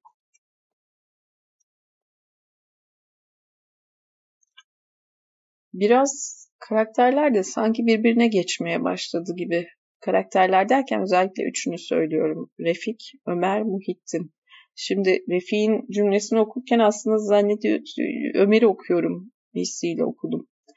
Şu cümleyi Ömer de çok rahat söyler, Muhittin de söyler ya, şu kalabalığın içine karışabileceğimi hiçbir zaman ileri sürmedim ama bu kadar dışarıda kalmak da çirkin. Bu Muhittin'in de cümlesi aynı zamanda, Ömer'in de cümlesi, hepsinin üçünün de cümlesi. Mesela Osman'ın cümlesi değil. Cevdet Bey'in cümlesi de hiç değil. Nigan Hanım'ın cümlesi değil. Bu üçünün cümlesi. Üçünün ortak manifestosu gibi. Şu kalabalığın içine karışabileceğimi hiçbir zaman ileri sürmedim ama bu kadar dışarıda kalmak da çirkin. Üçü de farklı karakterler. Biri Fatih olmak istiyordu. Biri mutlu mesut zengin tüccaroğlu hayatına devam ediyordu. Öbürü de şairdi. Üç tane farklı yaşantı geldi geldi sarsıla sarsıla bu cümlede birleşti. Örgü çok güzel. Örgü çok mühendis işi yani. Çok güzel. Devam. 38. bölüm son akşam başlığı. Ömer arkasından gelen müziği dinleyerek barakaya doğru yürüyordu. Oh ne güzel içeceğim. Allah'a şükür bitti diye düşündü. Şimdi zengin oldum. Benden söz ederlerken artık zengin herif diyecekler. Ama şimdi bunların sırası değil. Barakada yanan lambanın ışığını gördü. Barakanın kapısını açarken cılız bir inilti duyuldu. İçeri girince ses kesildi. Galiba Salih şarkı söylüyordu ama Ömer'i görünce susmuştu. Salih ile Enver masanın bir köşesine oturmuşlar, önlerine de büyük bir rakı şişesi koymuşlar, içiyorlardı. Ömer masanın karanlıkta kalan öteki ucunda iki boş şişe daha gördü. Merhaba çocuklar. Enver Ömer'e dönüp bakmadı bile, Salih'in omzunu dürttü. Canım ne susuyorsun söylesene sen şarkını dedi. Salih bir şeyler mırıldanmaya çalıştı. Ömer'e baktı, sustu, bir süre düşündü. Sonra canım patronun gözünün içine bakarak da söylenmiyor ki dedi, güldü. Enver meydan okuyan bir tavırla ne var ben söylerim dedi. Kendini zorlayarak bağıra bağıra şarkıya başladı. Biraz söyledi. Sonra hem patron değil ki o dedi. Ortak o. Bizim ortağımız. Öyle değil mi? Şerefine ortak. Salih saf bir tavırla tamam öyle ama patron gibi dedi. Patrona benziyor işte. Ömer'e baktı. Kızmıyorsunuz ya dedi. Ömer afiyet olsun çocuklar yarasın dedi. Babacığım bir tavır takılmaya çalışıyordu. Enver şerefine ortak şerefine dedi. Sen de içsene ortak.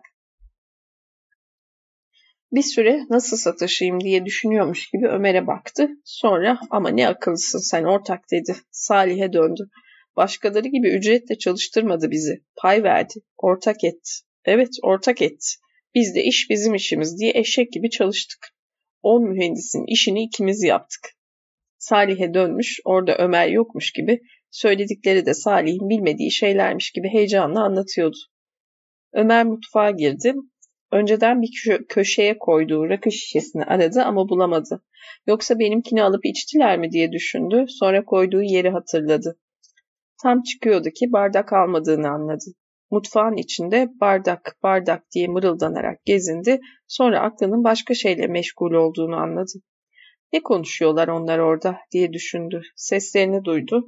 Enver bir şey anlatıyordu. Sonra ikisi birlikte kahkahalarla gülmeye başladılar.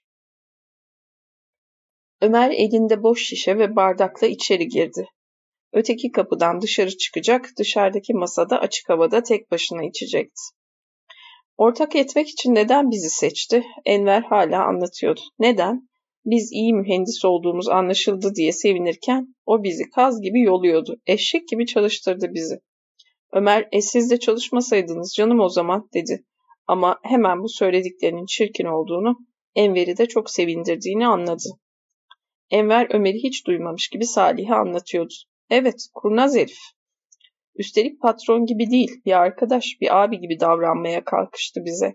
Onunla böyle konuşuyoruz ama faturasını da ödüyoruz. Tavladı bizi. Tavladı. Sonra kaz gibi yoldu. Ömer birden daha çok mu istiyorsunuz dedi. Sonra gene bir yanlışlık yaptığını anladı. Ha ha diye bağırdı Enver. Para dilendiğimizi sanıyor iyi mi? Bir şey istemiyoruz lan senden. Hem kaz gibi yoluyor hem de dilenci sanıyor bizi. Salih baksana şuna. Ben şimdiye kadar hiç dilenmedim dedi Salih. Benim zavallı anneciğim bana demişti ki Ömer dışarı çıkmak için davrandı. Enver dur nereye gidiyorsun diye bağırdı. Otursana bizle. Otur da konuşalım. Ömer çok sarhoşsunuz siz dedi. E ne olmuş sarhoş olmuşsak? Sen de içmeyecek misin? Otur da bizle iç. Hadi. Hadi hadi otur da iç. Bak işte bunu istiyoruz. Öyle değil mi? Otursun da bizle içsin değil mi Salih? Söylesene. İçsin ya dedi Salih. Abi oturup bizle içsenize. Birden Enver ne yaltaklanıyorsun lan? Oturmazsa oturmasın dedi. Ömer babacan bir tavır takınmaya çalışarak oturuyorum çocuklar, oturuyorum dedi. Sandalyeyi çekip masanın öteki ucuna oturdu. Bak yaltaklandın, o da gitti ta oraya oturdu dedi Enver. Bizim yanımıza oturmadı. oturmadı. Bana bulaşırlar, sataşırlar, yakışmaz diye düşünmüştür. İyi, gene tenezzül etti değil mi? Ömer orada yer yoktu dedi. Sonra birden utanarak bardağına rakı doldurup dikti. Niye gelip yanımıza oturmuyor da oradan uzaktan bakıyor bize? Niye?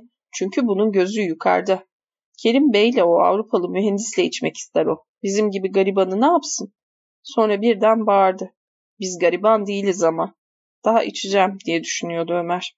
Sonra o karı kılıklı Almanla ahbaplıktan hoşlanır. Ulan bunun oynadığı kağıt bile başkadır.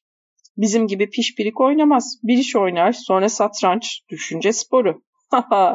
Sesini incelterek taklide başladı. Monşer, siz kaç kağıt rica etmiştiniz? Salih dikkatle ama Monşer'i Fransızlar söyler diye mırıldandı. Enver bağırdı. Hepsi kefere değil mi sonunda?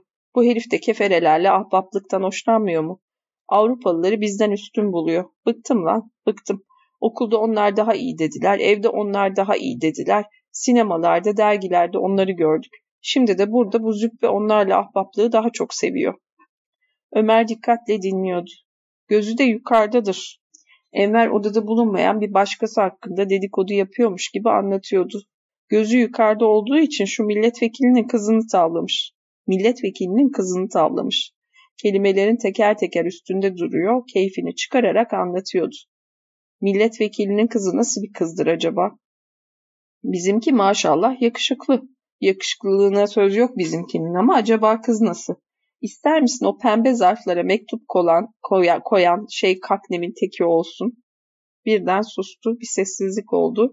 Sonra sahte bir öfkeyle bağırdı. Sen ne biçim herifsin lan? Suratına tükürsek bir şey söylemeyeceksin. Ömer de öfkeli görünmeye çalıştı. Sarhoşsun sen, seni ciddiye alamam. Ama bayağı sıradan sözlerdi bunlar. Sıradan, kibirli, düzenli, aklı başında bir yeni zenginin sıradan, ihtiyatlı sözleri. Ciddiye alamazsın ha, diyordu Enver. Ciddiye alamazsın demek. Peki ben söyleyeyim. Sen ister al ciddiye ister alma. Ben söyleyeyim. Biraz düşündü. Sonra şu Kerim Bey var ya şu Kerim Bey dedi. Sen onun tırnağı olamazsın anladın mı? Tırnağı. Nereden buldu bunu diye düşündü Ömer. Hedefi buldu ama nereden buldu? O Kerim Bey sana benzemez. Sen kıçını yırttın, bizi eşek gibi çalıştırdın, vaktinde yetiriş, yetiştireceğim diye yetiştirdin. Çok kazandın. Ama Kerim Bey'e bak, Kerim Bey'e. O her şeyiyle zengin. Ruhuyla, cüzdanıyla, soyuyla, sopuyla, gönlüyle. Onun toprağı bir ayda gezilmez. O senin gibi değil. Para kazanmak için yırtılmıyor. O bari boş duracağına biraz para kazanayım diyor. Babası ağa. Toprağa atla bir günde gezilmez. Sen onun tırnağı olabilir misin? Senin baban avukat mıydı yoksa küçük bir tüccar mı? Ömer yüzünden anladı diye düşündü. Hedefi bulduğunu yüzümden anladı, şimdi de tadını çıkarıyor. Avukat mıydı diye tiksintiyle yeniden sordu Enver. Benimki de askerdi işte. Öyle bir asker ki paşalara hayranlığından benim adımı Salih benimki garsondu, benimki garsondu dedi. Şimdi pa benden para bekliyor anam. İyi işte dedi Enver, parayı kazandık. Sağ olsun ortak bize iyi para kazandırdı. Masadan kalktı, odanın içinde gezinmeye başladı. Ömer'e yaklaşıp birden sordu. Bunun babasının garson olduğunu biliyor muydun? Of nasıl bir taciz bu? Ömer de çok sabırlıymış bu arada. İçinden konuşuyor sürekli Ömer dışına. Hiçbir şey söylemedi şu ana kadar. Şimdi yetmedi uzaktan sataşamadı. Yanına gidiyor. Fiziksel tacize başladı direkt. Alan daraltmak. Ömer şimdi öğrendim dedi. Sesinde acıklı bir şey olduğunu utanarak anladı. Ha öğren işte dedi Enver sert sert. Babası garsonmuş. Hem de tokatlayan otelinde biliyor muydun? Senin gibi tuzu kuru zibidilerin ekmeğin yarısını koparıp yarısını masada bırakarak ziftlendiği, sosyete orospularının kırıttığı bir lokantada uşaklık edermiş anladın mı? Salih'i bir abi gibi sahiplenerek ekledi. Bu çocuk o sosyete karıları yüzünden lokantaya gidemez. Bunu da biliyor muydun? Ömer bir şey söylemek istemiyor. Hızlı hızlı rakısını içiyor. Bu hızla içerse dışarı çıkmadan burada hemen kusacağını düşünüyordu. Enver hala o sosyete karılarının yüzünden diyordu. Bir süre sustu, sandalyesine oturdu ve bağırdı. Ben de bir sosyete karısı tavlayacağım ulan. Bir sosyete kızı tavlayacağım. Şöyle ilik gibi bir karı tavlayacağım. Şu Danimarkalı mühendislerin karıları gibi bir karı tavlayacağım. Salih, ne karıydı o değil mi? Ortak sen bilirsin bu sosyete karıları nasıl tavlanır. Söylesene. Ne yapmak lazım yani? Söylesene neden hoşlanırlar? Her gün sinemaya götürürüm vallahi. Birden elini Salih'in omzuna koydu. Bak Salih, paramız var. İstanbul'a gidince birer sosyete kızı tavlayalım. Paramız var, diplomamız var, mühendisiz. Sen yakışıklısın. Ben nasılım? Ben zekiyimdir. Sen kızma ama fıçı gibisin be kardeşim dedi Salih. Enver inançlı ve kesin bir sesle önemli değil dedi. Önemli olan ruh güzelliği. Bir kahkaha attı. Ruh güzelliği diye bağırdı. Gene bir kahkaha attı. Sonra birden ciddileşti. Aslına bakarsan şu çingenelere de razıyım ben dedi. Ama sosyete kızları da birden Ömer'e seslendi. Ama sen de söylemiyorsun. Ha Salih asıl kime sormalı bunu biliyor musun? Şunun, bunu şu arkadaşına Refiye. O bu işlerden çakar. Ömer Refik diye düşündü. Kendini hatırladı. Az önce birlikte orada o işçilerin yanındaydılar. Dostum, en yakın arkadaşım o benim diye düşündü. Benim kim olduğumu, ne olduğumu o bilir. O bu işlerden çakar çünkü bir kere önceki kış Nişantaşı'nda görmüştüm. Yanında lokum gibi bir şey vardı. Ömer, Refik'in düşünceleriyle alay ettim diye düşündü. Bu düşünceleri küçümsedim. Oysa görüyorum ki o her zaman benden daha ahlaklı, daha namuslu, daha iyi olmuştur. Böyle lokum gibi gencecik bir şeydi diye Enver anlatıyordu. Nişantaşı'nda o kibar sosyete semtinde bunları kol kola görmüştüm. Ben de İstanbul'a gidince Nişantaşlı bir sosyete kızı tavlayacağım. Bunu şu Refi'ye soralım. O Nişantaşlı. İyi bilir bu yolları. Ee uzattın ama dedi Ömer. Ne o bozuldun mu? Şuna bak Salih arkadaşına toz kondurtmuyor. Ulan biz senin de arkadaşının da kim olduğunu biliyoruz be. Okuldan hatırlıyorsun değil mi bunları? Bir bu, bir şu Refik, bir de cüce gibi biri vardı yanlarında. Herkese şöyle gülümseyerek, küçümseyerek bakarlardı. Bu züppeydi. Her gün en şık kravat ceketle gelir pipo içerdi. Öteki cüce hastalıklı bir şeydi. Gözlüklerin arkasından bir bakışı vardı, şeytandan farksız. Biz birinci sınıftaydık. Hatırlıyorum bu ukala takımını. Her şeyi küçümserlerdi. Gene en iyisi şu Refik'ti. Onun iyi niyetli bir hali vardı ama anladım şimdi. Alıklıktan, hödüklükten öyleymiş. Yeter artık, yeter diye Ömer bağırdı. Sonra birden şöyle düşündü. Birazdan Refik gelecek. Duymasın bu çirkinlikleri. Ona göre değil böyle şeyler. Bak, bak arkadaşına toz kondurtmuyor. O alık, hödük, nişan taşlı sosyeteye toz kondurtmuyor. Herif o lokum gibi karıyı bırakmış buraya gelmiş. Niye gelmiş? Ağlamak için. Kürtlere, açlara, memleketin sefaletine bakmak için. Köyü kalkındırmak için yazılar yazıyor, ağlıyor. O karı kılıklı Alman'a gidiyor, ağlıyor.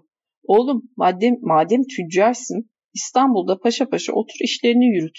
O lokum gibi karının yatağını boş koyma. Hayır, olmaz. Buraya gelip ağlayacak. Ömer sus lan sus diye bağırdı. Enver gözünün ucuyla Ömer'e bakıp aceleyle ekledi. Ödük herif canım. Bir de defter tutuyor biliyor musun? Hatıra defteri. Masanın üzerine koymuş. Geçenlerde açtım baktım. Gülmekten ölürsün. Herif nereye baksa ağlıyor. Vah sefalet, vah bu memleket yazmış. Arada sevgili karıcığım da yazmış. Gülmekten donuma ediyordum. Karının adı da Perihan. Peri gibi bir lokum. Yatağı da boş değildir canım. Bu sosyetikleri bilirsin. Birini çağırmış demiştir ki ben gidiyorum ama sen bizim periyi yuh yuh. Ne korkunç karaktermiş bu Enver. Birden Ömer sandalyeden fırladı. E, çok durdu zaten. Enver'e doğru yürüdü. Yürürken gözünün önünde bazı kavga sahneleri canlandı. Kavgacılar kavgadan önce birbirlerinin gözlerinin içine bakarlar, ağır ağır yürürlerdi. Enver de ayağa kalkmıştı. Ömer sarhoş olduğu için onu belki yere yıkabilirim diye düşündü. Sonra Salih ayırır diye mırıldandı. Hiç kavga etmediğini aklından geçirdi ve Enver'in de dövüşmek istemediğini anladı. Dövüşmek çok aptalca bir şey olur diye düşündü. Tekmeleşiriz, ikimiz de birbirimize vururuz, kimin kazandığı anlaşılmaz. Şişeler, bardaklar kırılır, Refik de onun yüzünden kavga ettiğimi. Üç nokta. Birden Enver, seninle dövüşmem bile ben be dedi ve yerine oturdu. Ömer şişesini alıp açık havaya çıktı. İçki yalnızca mideme vurur diye mırıldandı. Dışarıdaki masaya oturdu, şişenin dibinde kalan son damlaları bardağına boşalttı. Geceyi dikkatle dinledi. Darbuka hala yorgun yorgun çalıyor, keman vızıldıyordu. Bitti diye düşündü. Şimdi ne yapacağım? Nazlı ile evliliği düşündü. Milletvekilinin kızı. Eh bizim de bir mutfağımız olur. Barakayı dinledi. Oradan artık ses gelmiyordu. Refi'yi bekleyeyim diye düşündü. O gelsin, biraz konuşalım. Sonra Ankara'ya gideceğiz. Sonra ben milletvekilinin kızını alacağım. Peki başka ne yapılabilir? Nasıl yaşanabilir? Sıradan bir hayata karşı koyulması gerektiğine ilişkin nutuklar atmıştım ben. Mesela şurada bir çiftlik de alabilirim. Hacı'nın gösterdiği çiftlik. Kaçadır? Ben bütün bu işlerden ne kadar kazandım? Dur bakalım. Birinci yıl toprağın metreküpü kaç kuruştan hesaplanmıştı? Hiç unutamayacağı, hesaplarında kaç yüz kere kullandığı bu sayıyı unuttuğunu anlayınca çok şaşırdı. Sonra bu unutkanlığından paraya değer vermediği sonucunu çıkarıp tam gururlanıyordu ki sayıyı hatırladı. Nazlı'yı düşündü. İngiltere'den gelişini düşündü. Sonra ağır ağır yaklaşan Refik'i gördü ama az önce barakada ondan söz edilirken içinde canlanan sevgi bu sefer canlanmadı. Çok uygusu olduğunu, günlerdir doğru dürüst uyuyamadığını hatırlayarak gerine gerine esnedi.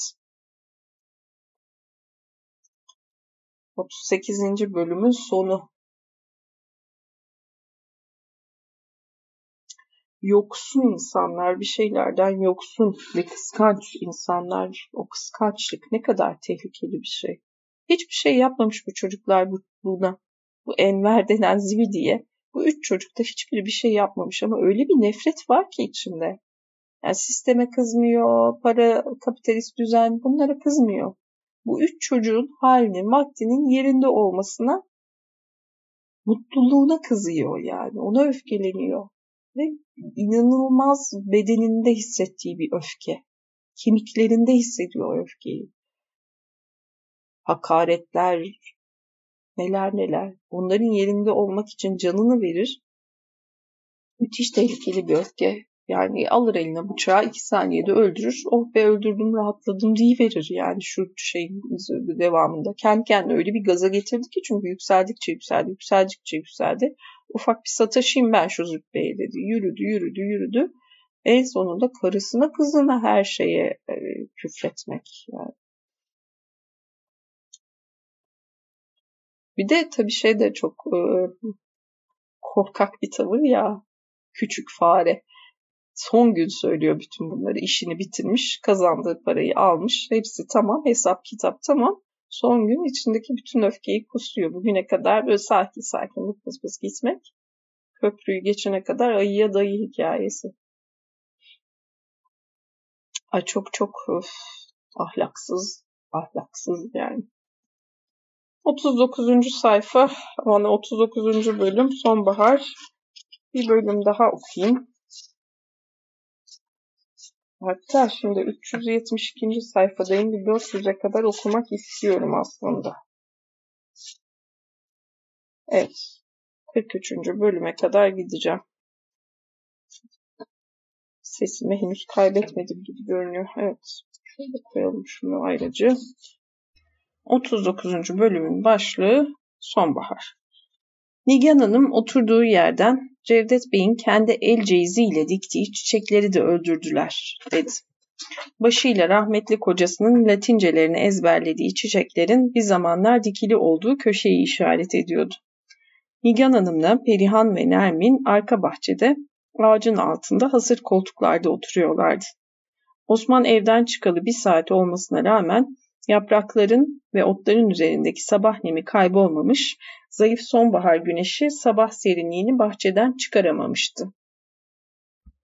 Eylül'ün son günüydü. Adadan dönüleli iki hafta oluyordu. İki haftadır Nişantaşı'ndaki evde yoğun bir mutsuzluk, sıkıntı ve sonbahar havası vardı. Aşçı Nuri iki hafta önce tam taşındıkları günün sabahı ölü vermişti. Nigan Hanım yeniden rahmetlinin kendi el ceyiziyle diktiği çiçekler dedi. Sözünün sonunu getirmeden herkesin bildiği o mutsuz ve sıkıntılı suratı takınarak sustu.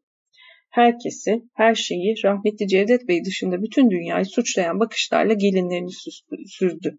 Nuri de tam ona ihtiyacımız olduğu zaman da çekip gitti dedi. O hiç olmazsa Cevdet Bey'e saygı duyar, çiçekleri sulardı. Cevdet Bey onların isimlerini bir kağıda yazmıştı galiba dedi Nermin. Gidip Eminönü'nden bugün alayım. Dönüp Perihan'a sert ve soğuk bir yüzle baktı. Bakışı bu öğleden sonra nereye gideceğimi anladın mı diyordu. Perihan korkuyla gözlerini Nermin'in yüzünden kaçırdı. Bir ay önceki o rastlantıdan sonra Nermin'in takındığı meydan okuyan tavrı anlaşılmaz buluyordu. Bir ay önce bir gün onu uzun boylu yakışıklı bir adamla Sirkeci tren istasyonunda kol kola görmüştü. Bu konuda düşünmek istemediği için Nigan Hanım'a kulak verdi. Nigan Hanım aynı tohumları hiçbir zaman bulamayacaklarını, bulsalar da o hiçbir işe yaramayan bahçıvanın onları öldüreceğini anlatıyor. Parmaklarının ucuyla omuzlarındaki şalın köşelerini çekiştiriyordu. Sonra elinde tepsiyle mutfak kapısından çıkan hizmetçiye gözü takıldı Biraz yaklaşmasını bekledi ve sordu. Uyandı mı o? Dört gün önce Avrupa'dan dönen Ayşe'den söz ediyordu. O herkes eve dönmüş o zaman. Heybeli'den dönmüşler. Ayşe dönmüş. Şahane. Nermin aldatıyor. Gelişmeler bunlar. Emine Hanım başıyla hayır işareti yaptı. Tepsiyi masaya koymadan önce Perihan'a döndü. Küçük hanım kız ağlıyor. Artık 15 aylık melekten bebek ya da çocuk diye değil kız diye söz ediyorlardı. Perihan kalktı, tepsinin üzerindeki dolu çay fincanıyla gazetelerden birini alarak eve yürüdü. Mutfak kapısından girerek yukarı çıktı. Merdivenleri çıkarken kızın ağlayışından bir kesilip bir güçlenen sesinden altına doldurduğunu anladı. Odaya girer girmez küçük yatağın başına gitti. Ağlayan kızını görünce gülümsedi. Melek de ona baktı ve derdini unutarak sustu. Sonra gene ağlamaya başladı. Perihan elindeki çayla gazeteyi masanın üzerine bırakıp kızını yataktan bir küçük paket gibi kaldırdı. Bacaklarının arasındaki yumuşak sıcaklığı fark ederek ah seni soytarı seni diye söylendi ve elindeki küçük şeyi dikkatle üzerine kalın bir örtü serilmiş masanın üzerine koydu. Her zaman yaptığı gibi onunla konuşarak elbiseleri ve ince bezleri çıkarmaya başladı en üstteki gömleği çıkarırken of terlemişiz galiba dedi ve kızını çok kalın giydirdiğini düşündü. Sonra havaların soğuduğunu düşünerek ama bir de hasta olursan daha mı iyi dedi. Melek bir şeyler mırıldanınca da kızı ona hak vermiş gibi sevindi. Sonra aklına Refik geldi. Evet Refik nerede bakalım. En son yazdığı mektuba göre bir hafta içinde İstanbul'da olacaktı. Perihan, Refik'ten bir ay daha gecikeceğini bildiren yeni bir mektup almaktan korkuyordu. Bir türlü açamadığı bir çengelli iğneyi zorlarken baba gideli yedi ay oluyor dedi ve sesinden korktu çünkü merdivenleri çıkan ayak seslerini duymuştu. Çengelli iğne açıldı, belki artık gelir diye düşündü. Bezin her yerine bulaşmış pisliği görünce yüzünü buruşturdu. Kirli bezleri bir köşeye bıraktı, kızı kucağına alıp banyoya girdi, yıkadı. Yıkarken Refik'i ve kendi durumunu düşündü. Hapşırınca kızın soğuk sudan rahatsız olduğunu anladı ve telaşlandı. Aklına doktor olan babası geldi. Kız birden ağlamaya başlayınca buradan ayrılıp eve gitmem daha mı doğru olurdu diye düşündü. Bunu çok düşünmüş, üç ay önce kararını da vermiş ama annesi onu caydırmıştı. Annesinin Refik'in onu değil, İstanbul'u bıraktığını açıklayan sözlerini hatırlattı. Bu saçma diye düşündü, sonra caydı saçma değil diye mırıldandı. Refik'in özür dileyen, bütün suçun kendisinde olduğunu yazan mektuplarını hatırladı. Ona verdiği cevabı düşündü. Evden ayrılmayı hiç düşünmediğini yazdığı mektupta övünüyor, Refik'in de aynı duyguyu beslediğini seziyordu. Kızın üşümesinden korkarak aceleyle odaya geri döndü. Temiz bez ve gömlek çıkardı. Benim durumumda olan başka bir kadın ne yapardı diye düşündü. Buna her zamanki gibi gene cevap vermedi çünkü kendi durumunu benzersiz buluyordu. Kendi durumunun benzersiz olmasının nedeni de Refik'in benzersiz olmasıydı. Tanıdığı hiçbir kadının Refik gibi kocası yoktu. Ama kız elbiselerini giydikten sonra bir daha hapşırınca kendini cezalandırmak istedi. Hala bu evde oturuyorum çünkü gurursuzum diye düşündü. Kızı yatağına yatırınca rahatladı. Yedi aydır her gün aklında at koşturan bu düşüncelerden kurtulmaya karar vererek masanın üzerindeki çay fincanını aldı, gazeteyi açtı. Çay soğumuştu. Gazete Dünya Sulhu kurtuldu, Münih'te tam bir anlaşmaya varıldı diyor. Daladiye, Hitler, Chamberlain ve Mussolini diye yazıyordu. Perihan her zaman yaptığı gibi kendi dışındaki dünyanın içine girmek istiyormuş gibi gazeteyi iştahla okumaya başladı. Bütün evde yurt ve dünya haberlerini kendisi kadar yakından kimse izlemiyordu. Münih konferansına ilişkin haberleri tam bitiriyordu ki kapı önceden vurulmadan açıldı, içeri Nermin girdi. Sende yeşil iplik var mı diye sordu Nermin bu renkte. Elinde tuttuğu fıstıki bir düğmeyi gösteriyordu. Perihan gene o belirsiz korkuya kapılarak ayağa kalktı. Sanki onunla bu odada birlikte yalnız olmak suçmuş ve bu suçtan bir an önce kurtulması gerekiyormuş gibi dikiş kutusu olarak kullandığı eski ilkokul çantasını aceleyle açtı, telaşla aradı ve istenilen şeyi bularak uzattı. İşte öteki elinin hızlı bir hareketiyle küçüklüğünü hatırlatan çantayı kapadı. Teşekkür ederim dedi Nermin. Birden o eski çantayı her görüşünde yaptığı gibi gülümsedi. Sonra kendi düğmesi ve düğmeyi dikeceği elbiseyle ilgili duygularına döndüğünü belli eden düşünceli bir suratla odadan çıktı. Nermin'in ilkokul çantasına gülümseyişi bu sefer Perihan'a sevimli gözükmemiş, soğuk, küçümseyici, hatta gene meydan okuyan bir şey gibi gelmişti.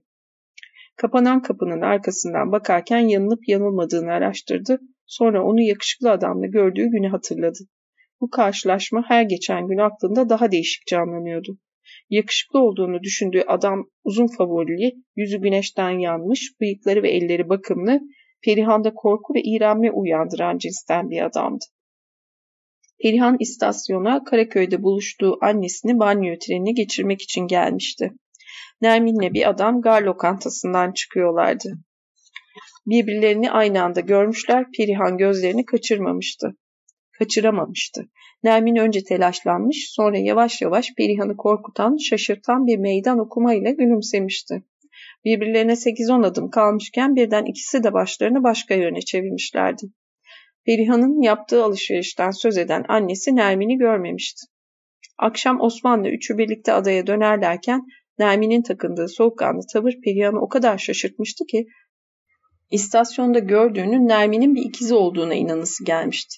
Ama bu rastlantıdan birkaç hafta sonra Nermin'in Osman'ın şirket denen şu para makinesini işleten bir makineden başka bir şey olmadığını, üstelik bir zamanlar bir de metres tuttuğunu öfkeyle kendisine açıkladığını hatırlayınca davranışının bazı akılcı temelleri olduğunu düşünmeden de edemedi. Sonra her geçen gün Nermin'in meydan okuyucu sözleri ve hareketleriyle karşılaştıkça o rastlantı aklında daha değişik canlanmaya başladı. Her geçen gün Nermin'in Sirkeci istasyonundaki o gülümseyişinin daha cesur ve daha korkunç olduğunu düşünüyor, gülümseyişin aklında boyut değiştirerek kendisiyle alay ettiğini sanıyordu. Gülümseyiş bak ben bunu yapmaktan çekinmem diyordu. Gülümseyiş bak ben bunu yapmaktan çekinmem diyordu. Ben senin anlayamayacağın kadar özgür bir kadınım. Sense böyle şeylerden yalnızca korkar ve uslu uslu kocanı beklersin. Gene aynı şeyleri korkuyla aklından geçirdiğini, Nermin'in öğleden sonra yeşil elbisesini giyerek bir yerlere gideceğini düşündüğünü anlayınca başka şeylerle uğraşmak istedi ve gazeteyi açtı. Bir iki cümle okumuştu ki kapı vuruldu. Ayşe gülümseyerek içeri girdi. Ayşe kapıyı kaparken esnedi. Perihan'ı yanaklarından öptü. Gene gülümsedi. Meleğin yatağına yaklaştı. Yaramaz ama bağırıyorsun dedi. Perihan aa seni uyandırdı mı dedi. Ayşe yok canım zaten erkek, erken kalkmak istiyordum dedi. Pencereye yanaştı, gerindi. Oh ne güzel gün dedi. Dönüp yeniden küçük kızın yatağına sokuldu. Yatağın kenarındaki küçük çıngırağı alıp meleğin yüzüne yaklaştırıp sallamaya başladı. Üzerinde mavi ipekli bir gecelik vardı. Perihan onun beyaz gerdanını, göğüslerinin üst kısmını görüyor, İsviçre'den bambaşka bir insan olarak döndüğünü düşünüyordu. Ayşe, haha şuna bak şuna, halayı tanıdın mı? Halayı tanıdın mı küçük melek dedi. Sonra birden çıngırağı yatağın kenarına bıraktı, gerinerek esnedi, saçlarını karıştırmaya, kaşımaya başladı. Perihan uykunu alamadın galiba dedi. Geç yattım saat 2'de ama öyle eğlendik ki Perihan onun Fuat Bey ile Leyla Hanım'ın oğlu Remzi ve arkadaşlarıyla birlikte olduğunu biliyordu. Nereye gittiniz? Beyoğlu'nda tünelde yeni bir lokanta açılmış dedi Ayşe. Çok güzel bir yer. Artık bizde de iyi yerler açılıyor. Görünce çok sevindim. Sonra hep birlikte Leyla teyzelere gidip oturduk. Dönüşte de Emirgan'a uğrayıp çay içtik. Acaba annem kaçta geldiğimi biliyor mu? Perihan sırdaşlıklarının alışkanlığıyla az önce uyanıp uyanmadığını sorduydu, dedi. Geç kalmışsam ne olacak ki? Hem dört ay önce böyle gezip tozmamı isteyen de kendisiydi. Pencereye yaklaştı, sonra birden döndü. O kadar da iyi çocuk ki. Perihan kim diye sormadı, anlayışlı bir tavır takınarak gülümsedi. Ayşe, Remzi o kadar iyi çocuk ki dedi. Hep benim iyiliğimi istiyor, hep beni düşünüyor. Tam bir centilmen. Kibar, eli açık, dürüst. Ah işte anneme bak, suratını asmış beni bekliyor. Pencereyi açtı, aşağıya seslendi. Hu hu, ben kalktım. Peki peki, birazdan geliyorum. Perihan'a döndü, az önce söz ettiği şeyin ne olduğunu araştırıyormuş gibi düşündü, hatırladı. Aa evet, o kadar iyi çocuk ki bana İsviçre'de de yakınlık gösterdi. Onun öyle biri olduğunu burada niye anlamadım diye kendime kızdım. Zaten ben eskiden niye öyleydim? O da başka bir şey ya. Hayata bakışım değişti belki de. Gülüyor musun? Yok yok, oraya gidince insanın her şeye bakışı değişiyor.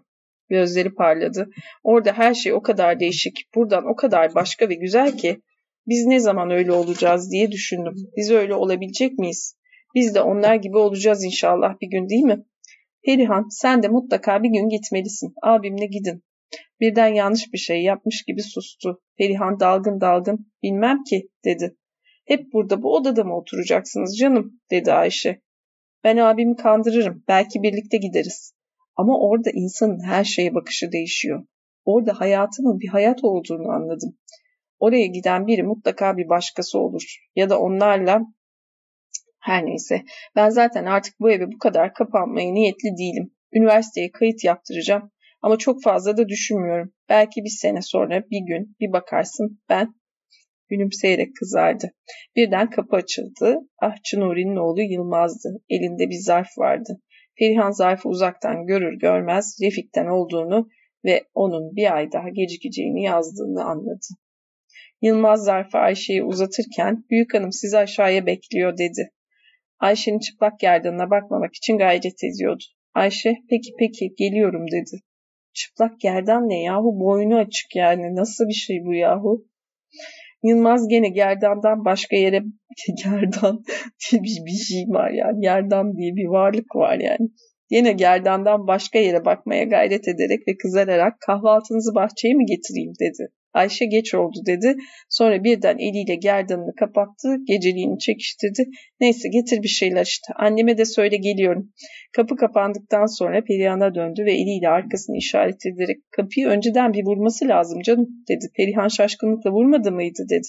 Vurmadı ya. Ama çok komik bir burnu var değil mi? Hemen de kızarıyor. Babasına ne kadar benziyor.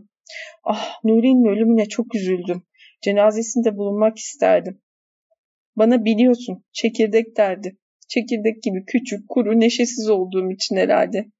Nuri'yi bir kere daha görmek isterdim. Beni çok severdi. Hemen öyle kalpten gidivermiş ha. Neyse abimin oğlunu işe alması iyi olmuş. İyi akıl etmiş. Canım onca yıl yemeğimizi pişiren adamın oğluna okumamış diye depolarda hamallık ettirmemiz de yakışıksız olurdu. Bu da yavaş yavaş öğrenir artık. Perihan dalgın dalgın dinliyordu. Gözü Ayşe'nin elindeki zarftaydı. Gene aynı şey. Gene gecikeceğini yazıyordur diye düşündü.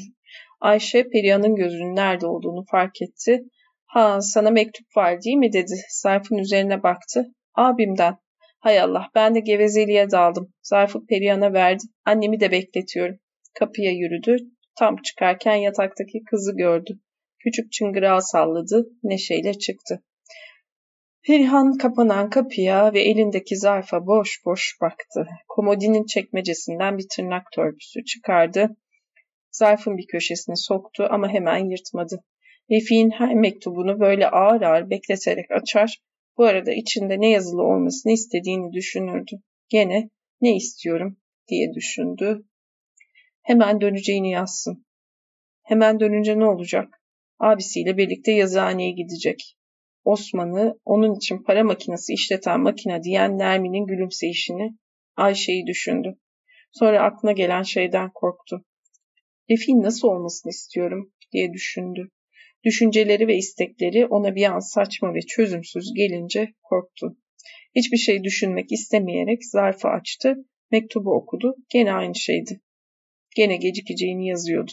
Ama şu köy kalkınması dediği şeylerden daha çok söz ediyordu.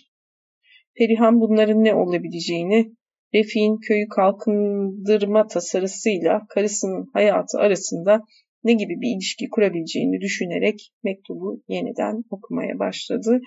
39. bölümün sonu.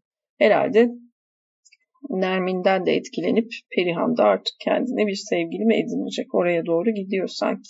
Enver'in cümlelerine büyük şey gösterdim ama tepki gösterdim ama bir yerde de Nermin'le geçince şimdi olay bir de yahu acaba mı söylediği de biraz ağırdı ama gerçeğin de ucuna dokunmuyor mu oldu konu.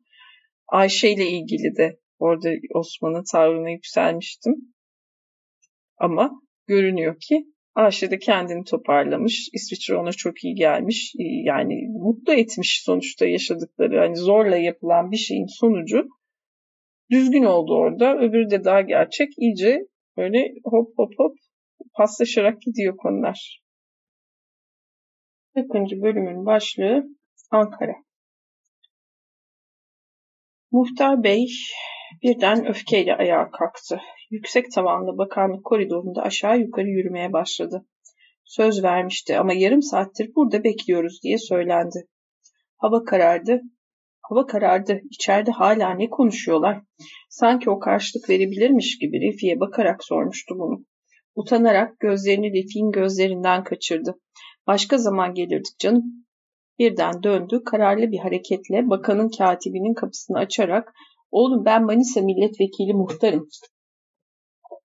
Bir yanlışlık olmasın.'' diye söylendi. Katibin cevabını dinlerken yüzünü buruşturdu. Sonra biraz zorlama bir öfkeyle ''O Alman heyeti ticaretindense ben de Türk heyeti milisindenim.'' dedi. Kapıya vuracakmış gibi hareket yaptı ama caydı, kulbu usulca çekti. Koridorda gene aşağı yukarı bir yürüdü. Sonra gelip Refik'in yanına oturdu. İşte görüyorsun Ankara bu dedi. Ziraat Bakanı'nın kapısında bekliyorlardı. Ankara'ya Ömer'le gelen Refik'in tasarılarını, niyetlerini öğrenen milletvekili gelecekteki damadının bu yakın arkadaşına yardım etmeye karar vermişti. Milletvekili Refik'in tasarılarını dinledikten sonra onu bir bakanla hatta İsmet Paşa ile görüştüreceğini açıklamış ama beklenen fırsat bir türlü çıkamamıştı. Milletvekilinin yakını olduğu bakanlar çok meşguldü. Çoğu Ankara'da yoktu. Atatürk'ün ağır hastalığı yüzünden her şey karışmış, herkes bir şeyler beklemeye başlamıştı. Refik, Kemah'tan mektuplaştığı te- teşkilatçı yazar Süleyman Ayçili'yi de daha görememişti.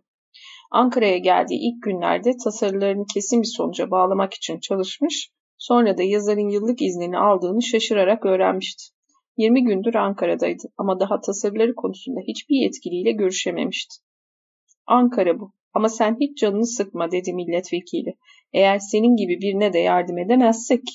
Düşünceli bir tavırla sustu. Sonra eğer senin gibi birinden yararlanamazsak diye düzeltti.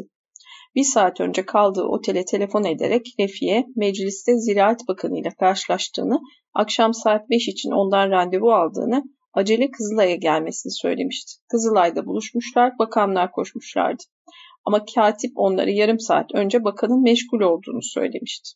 Manisa milletvekili Muhtar Laçin gene öfkeyle ayağa kalktı ve kızı Nazlı'nın ufak tefek gövdesine hiç benzemeyen iri ve yaşlı gövdesini bakanlık koridorunda gezdirmeye başladı. Sonra kapı açıldı, bir gürültü oldu. İçeriden adamlar çıkmaya başladı. Refik derilerinin renginden, gururlu, dimdik yürüyüşlerinden içeriden çıkanların bazılarının Alman olduğunu anladı. Arkalarından bakan olduğunu sandığı birisi ve bir çevirmen geliyordu. Hep birlikte koridorun sonuna kadar yürüdüler. Bu arada bakan muhtar beye gözünün ucuyla da selam verdi. Az sonra acele acele geri dönüp odasına girdi. Katip muhtar beyi çağırmaya geldi ama o çoktan Refik'in koluna girmiş bakanın odasına doğru onu öfkeyle çekiyordu. Refik peki bakana ne söyleyeceğim ona her şeyi nasıl özetleyebilirim diye mırıldanıyordu. Tasarılarımın özünü ve çekirdeğini oluşturan şu düşünceyi ona söyleyeceğim. 3 nokta. Büyük, geniş ama eşya ile tıkış tıkış doldurulmuş bir odaya girdiler. Bakan masasında değildi. Pencerenin kenarındaydı. Dışarı bakıyor, sigara yakıyordu. Refik gazetelerden az çok tanıdığı bakanı korkulacak, aşırı saygı gösterilecek biri olarak görmüyordu. Zaten o da bir koltuktan öteki bakanlık koltuğuna oturan, partide önemli bir yeri olan dar kadronun içinde değildi. Celal Bayar'a yakınlığı olduğu için bakanlık almış olmalıydı. Bakan onların içeri girdiğini fark edince döndü.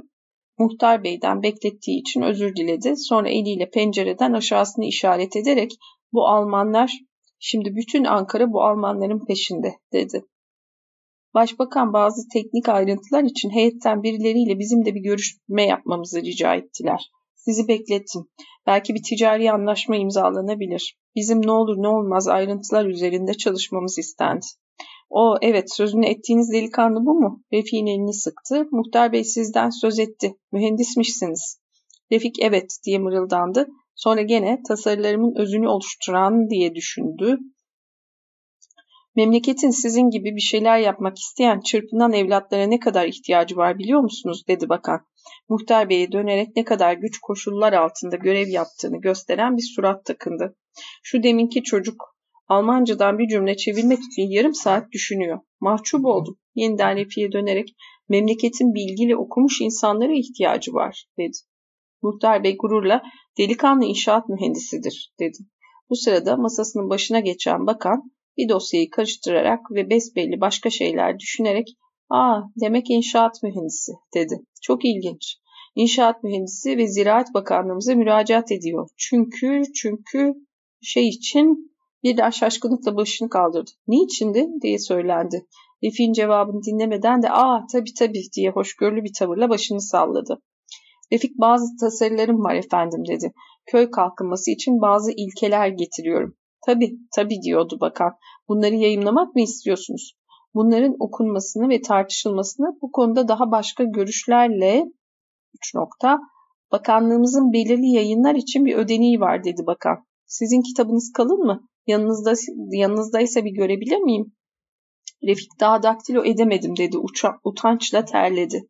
Refik'in yüzündeki şaşkın ifadeyi gören bakan, evet kalınsa bize bir özetini de verebilirsiniz dedi. Muhtar Bey, yanılmıyorsam delikanlı tartışılmasını istiyor dedi. Refik okunmasını ve tartışılmasını diyerek araya girdi. Bakan tabii bu kitabı ilk okuyacak olan benim dedi. Köylerimizin kalkınması ve ziraat üzerine bütün yeni düşüncelere değer veririz. Sonra yeniden önündeki dosyaya döndü.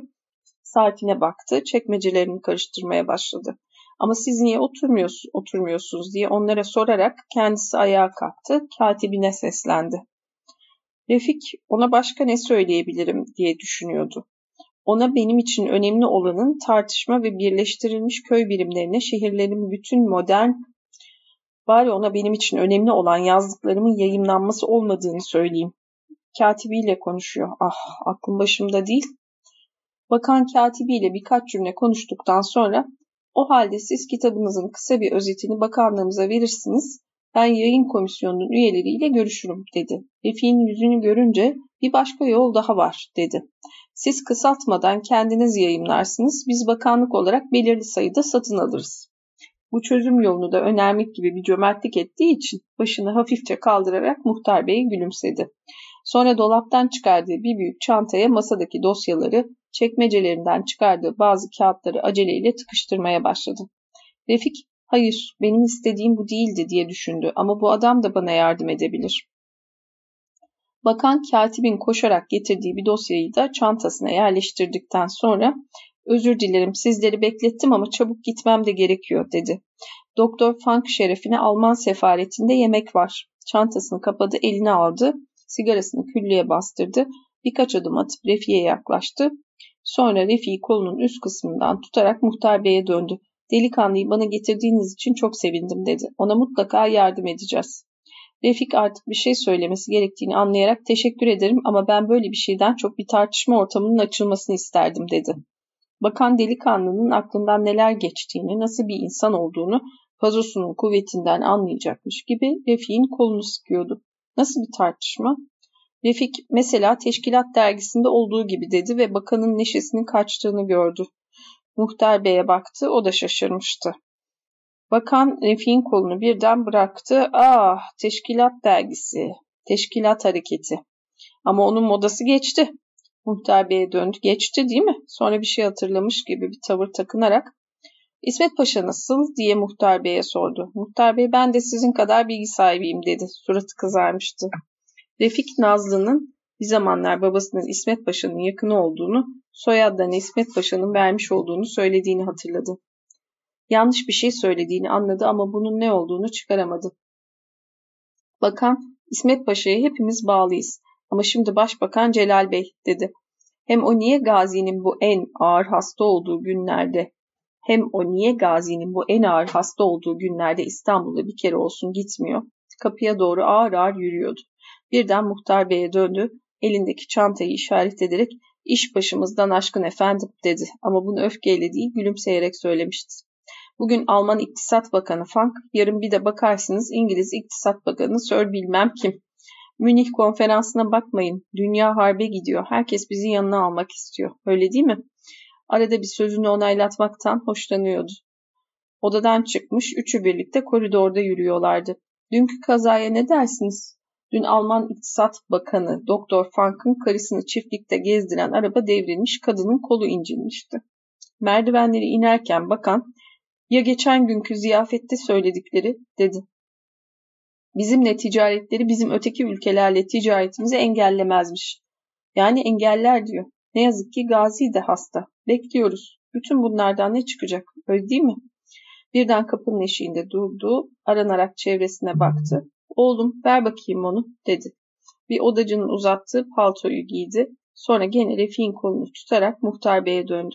Delikanlıyı bana getirdiğiniz için teşekkür ederim dedi. Ona yardım edeceğim. Şu şüpheyle Refik'i süzdü. Şüpheyle Refik'i süzdü. Elimden geleni yapacağım. Muhtar beye baktı.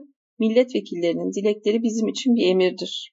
Siz ne yana gidiyorsunuz? Buna eliyle makam arabasını göstererek sormuştu. Muhtar bey gene sert bir sesle yürüyeceğiz dedi.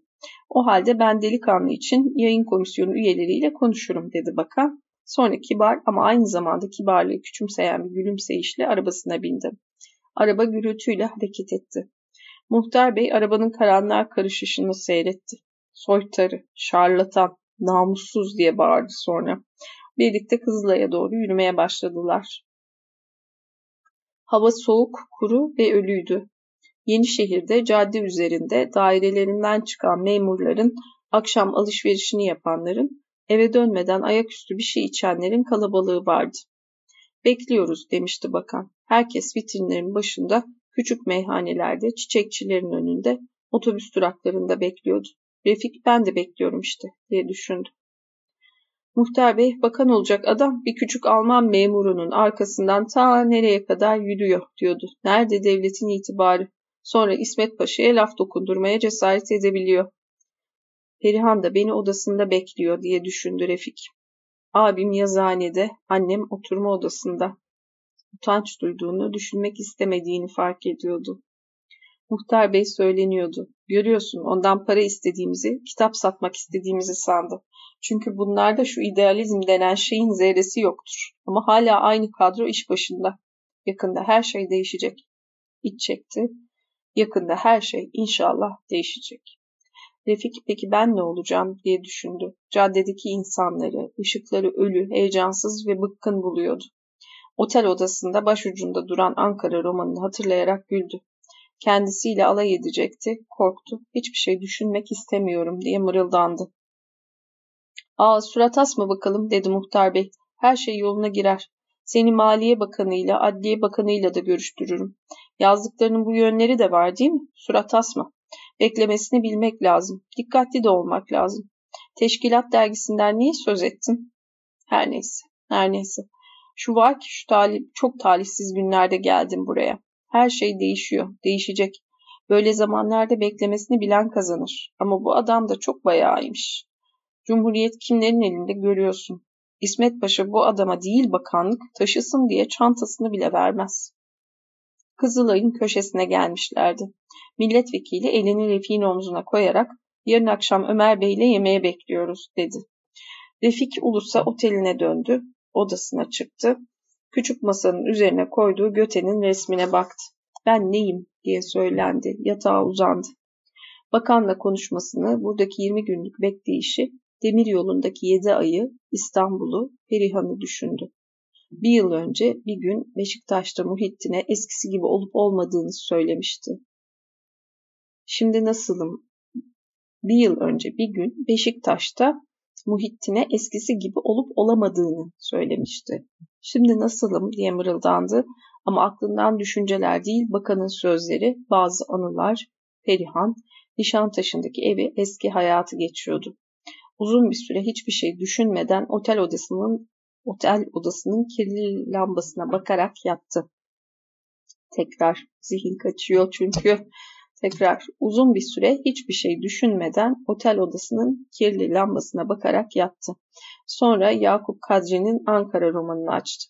Gene her zamanki gibi önce okuduğunu gülünç ve zavallı buldu, sonra kendini zorlayarak yazarın heyecanına inandı.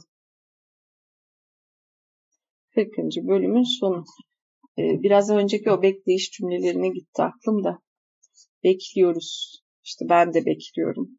Perihan beni odasında bekliyor. Abim yazıhanede, annem oturma odasında. Herkes bir yerde bekliyor. Devam.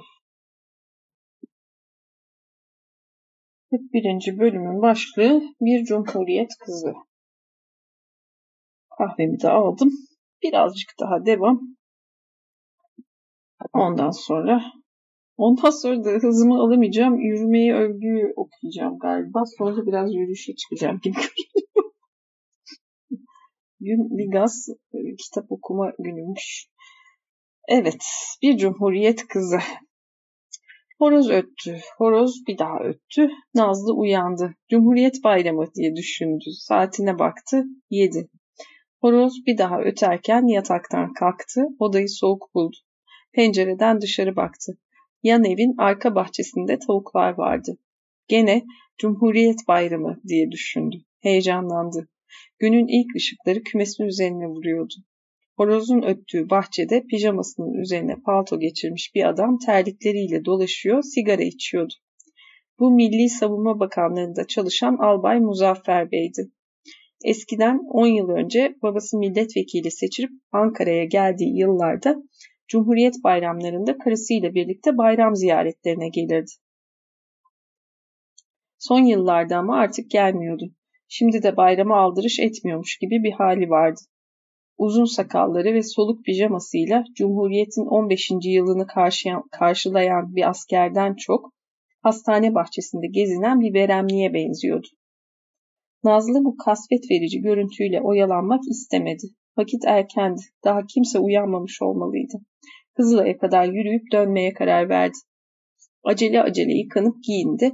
Hangi elbiseyi giyeceğini düşünmedi. Çünkü dün akşam yatmadan önce bayram arifesinin alışkanlığıyla bunu kendiliğinden düşünmüştü. Beyaz çizgili kırmızı elbisesini büfenin aynısında seyretti ve kendini beğendi. Sonra sobaları yaktı Az sonra uyanacaklar, evi sıcak ve hoş bulacaklar ve Nazlı'nın herkesten önce uyandığını düşüneceklerdi. O sırada o Kızılay'da yürüyor olacaktı. Bütün bunları düşünmekten hoşlandı. Kendini sağlıklı, zeki ve sevimli buldu. Sonra kediyi okşadı. Yiyecek bir şeyler verecekti ama hemen sokağa çıkmak istiyordu. Merdivenleri indi, kapıyı kimseye duyurmadan hafifçe çekti. Puslu, kuru gökyüzü Ankara'nın üzerine asılmış bayram kokuyordu. Yürümeye başladı. Kendini sağlıklı, zeki ve sevimli buldu cümlesine takıldım. Bir iki yerde daha kendini sağlıklı buldu. Böyle bir insan bakıp da şey yapar mı yahu? Kendimi de pek sağlıklı buluyorum maşallah bana der mi böyle yani? Bir iki karakter daha hatırlamıyorum şimdi kimler yaptı da Osman falan yaptı galiba. Onlarda da vardı bu kendini sağlıklı buldu cümlesi.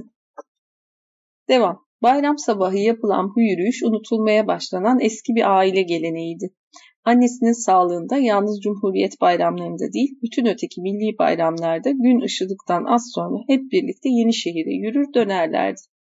Babası öğretici, coşkulu sözler söylerdi. Rahmetli annesi daha çok şaka yapardı. Babası öğretici, coşkulu sözler söylerdi. Rahmetli annesi daha çok şaka yapardı. Nazlı anne ile babanın kendisini sevdiklerini ve hep birlikte böyle yürümenin çok güzel olduğunu düşünürdü. Babası bayraksız evleri kınayarak ve dertlenerek gösterir, Nazlı insanların böyle kötü olmalarına üzülürdü. Şimdi de bahçeli bir örnek evlerin arasından yürürken bayraklara bakıyor, bayraksız ev görmediği için eski alışkanlığıyla seviniyordu. Çok acelesi varmış, bir yere yetişecekmiş gibi hızlı hızlı yürüyordu. Ama herkesin uyanmasına daha çok vardı. Gün önünde upuzun ve dokunulmamış onu bekliyordu. Sabah Ömer'le arkadaşı Refik gelecekti. Sonra mutlaka Refet amca gelir, yemek yerlerdi. Sonra baba meclise kutlama törenine gidecek. Sonra hep birlikte stadyuma gidecekler. Sonra akşam herkesle birlikte belki Yenişehir'de yürüyecekler. Ulus'a çıkıp fişeklere bakacaklardı. Bunları düşünmeye, bayraksız evlerin sahipler, sahiplerine öfkelenmeye, geçmiş tatlı bayramları hatırlamaya çalışıyordu. Ama başka şey vardı aklında. Bundan kolay kurtulamayacağını biliyordu. Ne olacağız biz Ömer'le diye düşündü ve aklından geçenden korkarak yanından geçtiği okulun pencerelerini seyretti. Krepon kağıtları, Atatürk resimleri, Atatürk resimli bayraklar, fenerler pencerelere iliştirilmişti.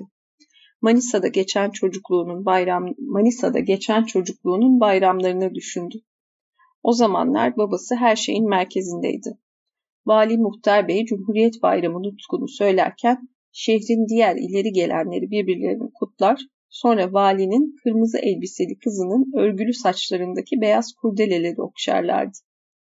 Annesi de her şeyi biraz gülünç, biraz hüzünlü buluyormuş gibi gülümser, ciğerlerindeki hastalığı dikkatle büyütür, sonra yapılması gerekenle yapılmaması gereken arasındaki keskin çizgiyi yumuşak kelimelerle kızına hatırlatırdı. O zamanlar vilayeti ziyaret etmesi beklenen Atatürk şimdi hastaydı. Anne ölmüştü. Nazlı okumak için İstanbul'a gitmiş, dönmüştü. Atatürk'ün de anne gibi olduğu, iyileşmeyeceği söyleniyordu. Dün akşam baba stadyumda onun için boş yere hazırlık yapıldığını söylemiş, bayramın coşkudan çok korku ve bekleyişle geçeceğini belirtmişti. Yürüyordu. Coşkuyla, neşeyle, endişeyle ana caddeye çıkmış, saat 7'yi 20 geçe yürüyordu. Caddede hareket başlamıştı. Bir çöpçü bulvarın küçük ağaçlarından dökülen yaprakları süpürüyordu. Bir Türk kuşu öğrencisi giydiği mavi elbiselerden utanıyormuş gibi bir yeni apartmanın kapısına sığınmış bir şey bekliyordu. Eli bayraklı bir çocuk babasının elinden tutmuştu. Babası başını bükmüş, yere serilmiş gazetelere bakıyordu. Gazeteler 15. yıl diye yazıyordu. Nazlı 22 yaşındayım diye düşündü. Evleneceğim. Ne zaman? Ömer'in sık sık surat astığını aklından geçirdi. Ömer eve gelir, Venedik manzarasının karşısındaki koltuğa oturur, sonra Nazlı'ya bakar ama bakışı Nazlı'yı delip geçerek onun arkasındaki bir noktaya takılırdı. Onu oyalayacak bir şeyler söylemesi gerekirdi ama aklına çoğu zaman bir şey gelmiyordu. Akılsız ya da niteliksiz biri olduğunu hiç düşünmemişti. Ömer'e yazdığı mektupların çağdaş bir genç kızın bütün özelliklerini taşıdığına da inanıyordu.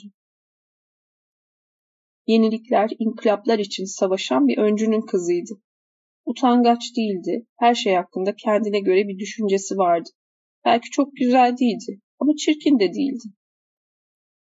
Can sıkıcı düşüncelerden kurtulmak için birden karşı kaldırıma geçti. Yeni yapılan bir apartmanın tahta perdesine afişler yapıştırılmıştı. Şehrin her yerine birkaç gün önce yapıştırılmıştı bunlar. Gözünün ucuyla baktı. Halkla beraber, halk için.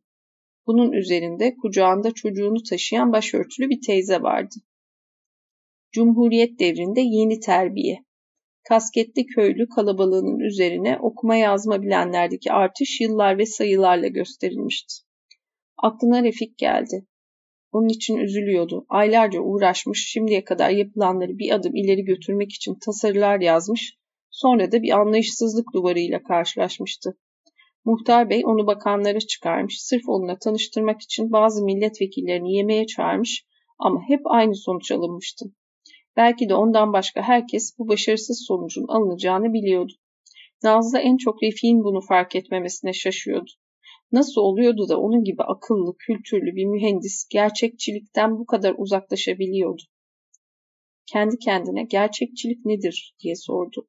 Babası Refet Bey'in gerçekçi olduğunu söylemişti. Refet amca siyaseti bırakmış ticaretle uğraşıyordu. Keçiören'de bir bağ evi vardı. Muhtar Bey meclis koridorlarında gezinirken o şöminenin başında tavla oynuyor, şarap içiyor, eski siyaset arkadaşını da gerçekleri görmeye çağırıyordu. Babası gerçekçi değildi. Herkesin önceden gördüğü şeyleri görmeyen şu Refik hiç gerçekçi değildi. Ömer'i düşündü. Demir yolunda çok para kazanmıştı. Onun gerçekçi olup olmadığını araştırdı ama içinden korku geçtiğini anlayınca caydı. Kötü düşünceler peşini bırakmıyordu. Üstelik yorulmuştu. Gene karşı kaldırıma geçti ve eve dönmeye karar verdi. Sonra sordu. Peki ben gerçekçi miyim? Birkaç adım attı. Ömer akıllıdır, yakışıklıdır, şimdi de iyice zengin diye düşündü ve kıpkırmızı kesildi. Valinin kırmızı elbiseli, küçük kızı gibi saf ve günahsız olmak istedi. Birden Cumhuriyet'in de kendinin de günaha iyice gömülmüş olduğuna karar verdi. Bu karara nasıl vardığını anlayamadı ama duvarlardaki afişlerin gülünç, bayram sabahı pijamalarıyla sigara içen komşu albayın da haklı olduğunu anladı. Sonra ben bir cumhuriyet kızıyım diye düşündü. Bunu ikinci rakı kadehinden sonra bazen babası ona söylerdi. Cumhuriyet kızı 15. yılda yürüyor. Düşünmek istemedi. Bulvara açılan sokaklardan birinin köşesinde bir çiçekçi tezgah kurmuştu. Karşıdaki Kızılay binasının bütün yüzünü bir büyük bayrak örtmüştü. Güne ve eğlenceye erken başlayan bir çocuk caddede bisikletle geziyordu. İki bekçi simit yiyerek yürüyordu. Karşıca, karşıdan izci kıyafeti giymiş bir genç kız geliyordu. Nazlı o da cumhuriyet kızı diye düşündü. Ona acıdı. Annesinin hüzünlü gülümseyişini hatırladı. Bir cumhuriyet kızı nasıl olmalı? Erkeklerin aklındaki genç ve modern kız görüntüsünü düşündü. Gazeteler bu konuda anketler düzenliyordu. Kanaatinizce asri bir genç kız nasıl olmalı? Cevap, kız erkek münasebetlerinde çekingen olmamalı, Atatürk'ün inandığı üç nokta sıkıldı. Gittikçe daha hızlı yürüdüğünü fark etti. Adımlarını düşünceleri yetiştirmeye çalışıyormuş gibiydi. İzci kıyafetli genç kız gururla yanından geçti. O da evlenecek, çocukları olacak diye düşündü. Bir kere Ömer'in bunu bir başkasını küçümsemek için söylediğini hatırladı. Sonra mutfak kokusunu da küçümsediğini söylemişti. Bir roman kahramanıyla, Rastignac'ta kendini bir tutuyordu. Ama bu çocukça bir şeydi. Nazlı bu özentiyi hoşgörü ve anlayışla karşılaması gerektiğini anlayana kadar iyice sıkılmıştı. Erkeklerde zayıflık görmek insanın dünyaya olan güvenini azaltıyordu. Şu Refiye de galiba bu yüzden sinirleniyordu. Gene bir Rastinyak, bir Fatih olma isteği diye söylendi. İnsan niye böyle şeyler düşünür? Ömer'in bu isteği Avrupa'dan aldığını düşündü. Öfkeyle sonunda evleneceğiz işte diye mırıldandı. Mutfak kokusundan nefret ediyorsa karısını da oraya sokmaz bir hizmetçi tutar. Bir genç erkek ne ister diye sordu. Kolay ve kısa bir cevap bulamadı. Ben ne istiyorum? Ben annem gibi olmak istemiyorum. Ama öyle olacağımı da görüyorum. Sonra Ömer'le babasını kıyasladı. Ömer Avrupa'da hayatının bir değeri olduğunu öğrenmişti. Cumhuriyet de Avrupa'dan birçok şey öğrenmişti. Şu adamın kafasında iğreti duran şapkayı da, gazetelerde söze edilen genç kızı da, sonra bunları herkese öğretmişlerdi. Ömer gibi özentilere kapılmam ben diye düşündü.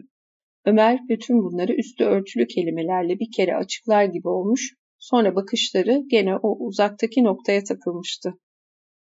Ömer'in son zamanlarda bir de sık sık takındığı bir tavır vardı ki Nazlı sinir oluyordu. Gerçeğe ulaşmış bir ilk çağ, ilk çağ filozofu, bir Çinli bilge gibi her şeyi görüp geçirmiş birinin hoşgörüsüyle gülümsemeye başlıyordu. Sonra bu gülümseyiş bir bilgenin gülümseyişi olmaktan çıkıyor, alaycı, küçümseyici bir şey oluyor. Nazlı sersemlikleri, basitlikleri sürekli, sürekli affa uğrayan biri gibi hissetmeye başlayıncaya kadar sürüyordu.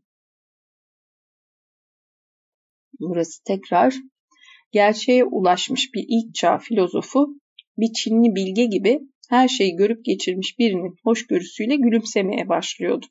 Sonra bu gülümseyiş bir bilgenin gülümseyişi olmaktan çıkıyor, alaycı, küçümseyici bir şey oluyor. Nazlı sersemlikleri, basitlikleri sürekli affa uğrayan biri gibi hissetmeye başlayıncaya kadar sürüyordu. Birden bayram sabahı böyle şeyleri düşünmek zorunda kaldığı için öfkelendi. Her şeyi ona soracağım diye düşündü. Beni almak istemiyorsa söylesin. Ona bunu da soracağım. Yan sokaklara sapıp, birkaç adım attıktan sonra bunu soramayacağını anladı. Çünkü Ömer'in cevabı yüzünü kızartacaktı. Gene bir örnek evlerin arasının arkasından Yenişehir'in kooperatif evleri arasından yürüyordu. Evlerin biçimi, küçük bacaları, dar balkonları, balkonlardan sarkan bayrakları hep birbirinin aynıydı. Ama bahçeler, ağaçlar ve çiçekler değişikti. Memurlar arasında da farklar vardı. Kimi ağaca meraklı oluyor, kimi tuhaf çiçekler yetiştiriyor, kimi bahçesini duvarlarla çeviriyor, kimi de komşu albay gibi tavuk yetiştiriyordu. Bunları tedirgin olarak Ömer'le konuşmuşlardı. Evlerin içindeki hayatı düşündü. Şimdi uyanıyorlardır. Birazdan kahvaltı ederler, gazetelere bakarlar, sonra radyoyu açar, törene gitmek için hazırlanırlar. Karanlıkta bu sokaklarda yürüdüğü zamanlarda buna benzer şeyler düşünürdü. Pencerelerden geceye hep birbirine benzeyen, hep aynı şeyleri tekrarlayan günlük hayatın soluk ışıkları yayılırdı. İstanbul'da yaşayacağız biz diye düşündü. Ama kendini biraz kandırır gibi olduğunu da anladı. Annesi de İstanbul'u düşünerek kendine avuturdu. Bayraksız evin kendisine huzur verdiğini şaşırarak fark etti. Ben neye inanıyorum? Benim için hayatta değerli olan nedir? diye söylendi. Ona soracağım. Benimle evlenmek istiyor mu? İstemiyor mu? Bunu açıkça söylesin. Ömer'in başka bir şey söyleyeceğini düşündü ama bu sefer yüzünün kızaracağını aklından geçirmedi. Ben de herkes gibi olacağım diye düşündü. Sonra aceleyle ekledi. Belki biraz daha iyi olacağım. Kendi sokağına girmişti. Artık neşeyle çevresine değil, dalgın dalgın önüne bakıyordu. Ne yürüyüş, ne düşünceler, ne de önündeki gün ne yürüyüş, ne düşünceler, ne de önündeki gün iç açıcı geliyordu. Komşu albay aynı kasvetli kıyafetle ön bahçeye çıkmıştı. Onu kaç yıldır ilk defa cana yakın buldu. Sonra anahtarıyla kapıyı açıp eve girdi. Merdivenleri çıkarken gene Neşe istediğini düşündü. Seslerden babasının uyanıp aşağıya indiğini anladı. Oturma odasına girdi. İki kişilik kahvaltı sofrası kurulmuştu. Çay demlenmiş, gürüldeyerek yanan sobanın üzerine konmuştu. İçeriden fazla kızaran ekmeklerin yanıklarını kazıyan bir bıçağın sesi geliyordu. Birden bunların yalnızca böyle küçük şeylerin kendisine mutluluk verdiğini, hayatta değer verdiği şeyin bu sıcak oda ve iki kişilik sofra olduğunu düşündü. Ömer'in bunlarla yetinmeyeceğini aklından geçirerek korktu. Onu zehirleyen nedir diye mırıldandı ve sofraya neşeyle baktı. Babasının koltukta oturduğunu hissederek döndü. Muhtar Bey elindeki gazeteyi indirmiş, bir sofraya bir de kızına bakıyor. Nazlı'yı heyecanlandıran şeyin ne olduğunu çıkarmaya çalışıyordu. Sonra kızının gülümsediğini görerek gülümsedi bir milletvekili olarak tebrikleri kabule başladığımı bildiririm, dedi. Nazlı yaklaşık babasının yanaklarından öptü. Milletvekili öpücüklere karşılık verdikten sonra yürüdün mü dedi. Bana niye haber vermedin? Ben de gelirdim. Yürüdüm. Çok güzeldi dedi Nazlı. Ya, ya diye iç çekti milletvekili. Hadi kahvaltıya oturalım da neler gördüğünü, neler düşündüğünü bana anlat bakalım. Kitabın e, cümlesi aslında şu cümle ya. Ben neye inanıyorum? Benim için hayatta değerli olan nedir? sorusunun cevabını arıyor bütün karakterler. Kitabın özeti bu aslında bütün kitabın. Ve şu şey de çok güzel tabii. Birden bunların yalnızca böyle küçük şeylerin kendisine mutluluk verdiğini, Hayatta değer verdiği şeyin bu sıcak oda ve iki kişilik sofra olduğunu düşündü.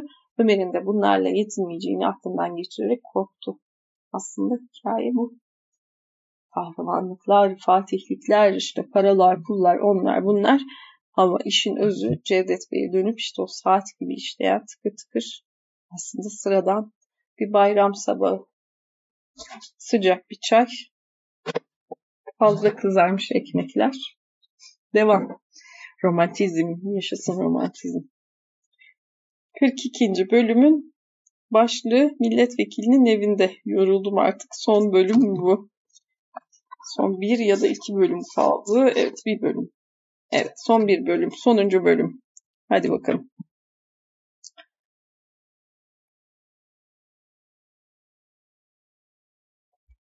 Ömer bir örnek evlerin arasından yürüyordu. Bu bütün evleri ve hayatları birbirine benzeyen mahalleden Nazlı'ya bir kere söz etmeye kalkışmış, onun tedirgin olduğunu görerek susmuştu. Şimdi mahalleyi ve kendi hayatını düşünmek istemiyordu. Otelden çıkalı 20 dakika olmuştu. Refik caddelerde yürümek istediğini söyleyerek ondan ayrılmıştı. Ömer onun coşkusunu gülünç bulduğunu ağzından kaçırmaktan korkmuş, öğle yemeğine geç kalmamasını söylemişti. Hep birlikte Nazlılar'da öğle yemeği yiyecekler, sonra stadyuma törene gideceklerdi. Milletvekili Muhtar Bey herkese teker teker stadyumda yapılacak törenden söz etmiş, hep birlikte gideceklerini her fırsatta tekrarlamıştı. Ömer nişanlı olduğu için böyle sıkıntılara ve görevlere boyun eğmek zorunda olmasına öfkeleniyordu. Nişanlı olduğu için başka şeylere de öfkeleniyordu. Ama bu öfkeyi dışarıya yalnızca alaylı gülümseyişlerle yansıtıyordu. Nazlıların sokağına sapınca gene böyle bir alaycı gülümseyişle kendi kendine güldü. Bu sokağa her sapışında buraya teyzesi ve eniştesiyle söz kesmek için gelişlerini hatırlıyordu. Hesapladı. 20 ay önceydi. 20 ay önceki heyecanlı, tutkulu haliyle şimdiki alaycı ve öfkeli halini kıyasladı.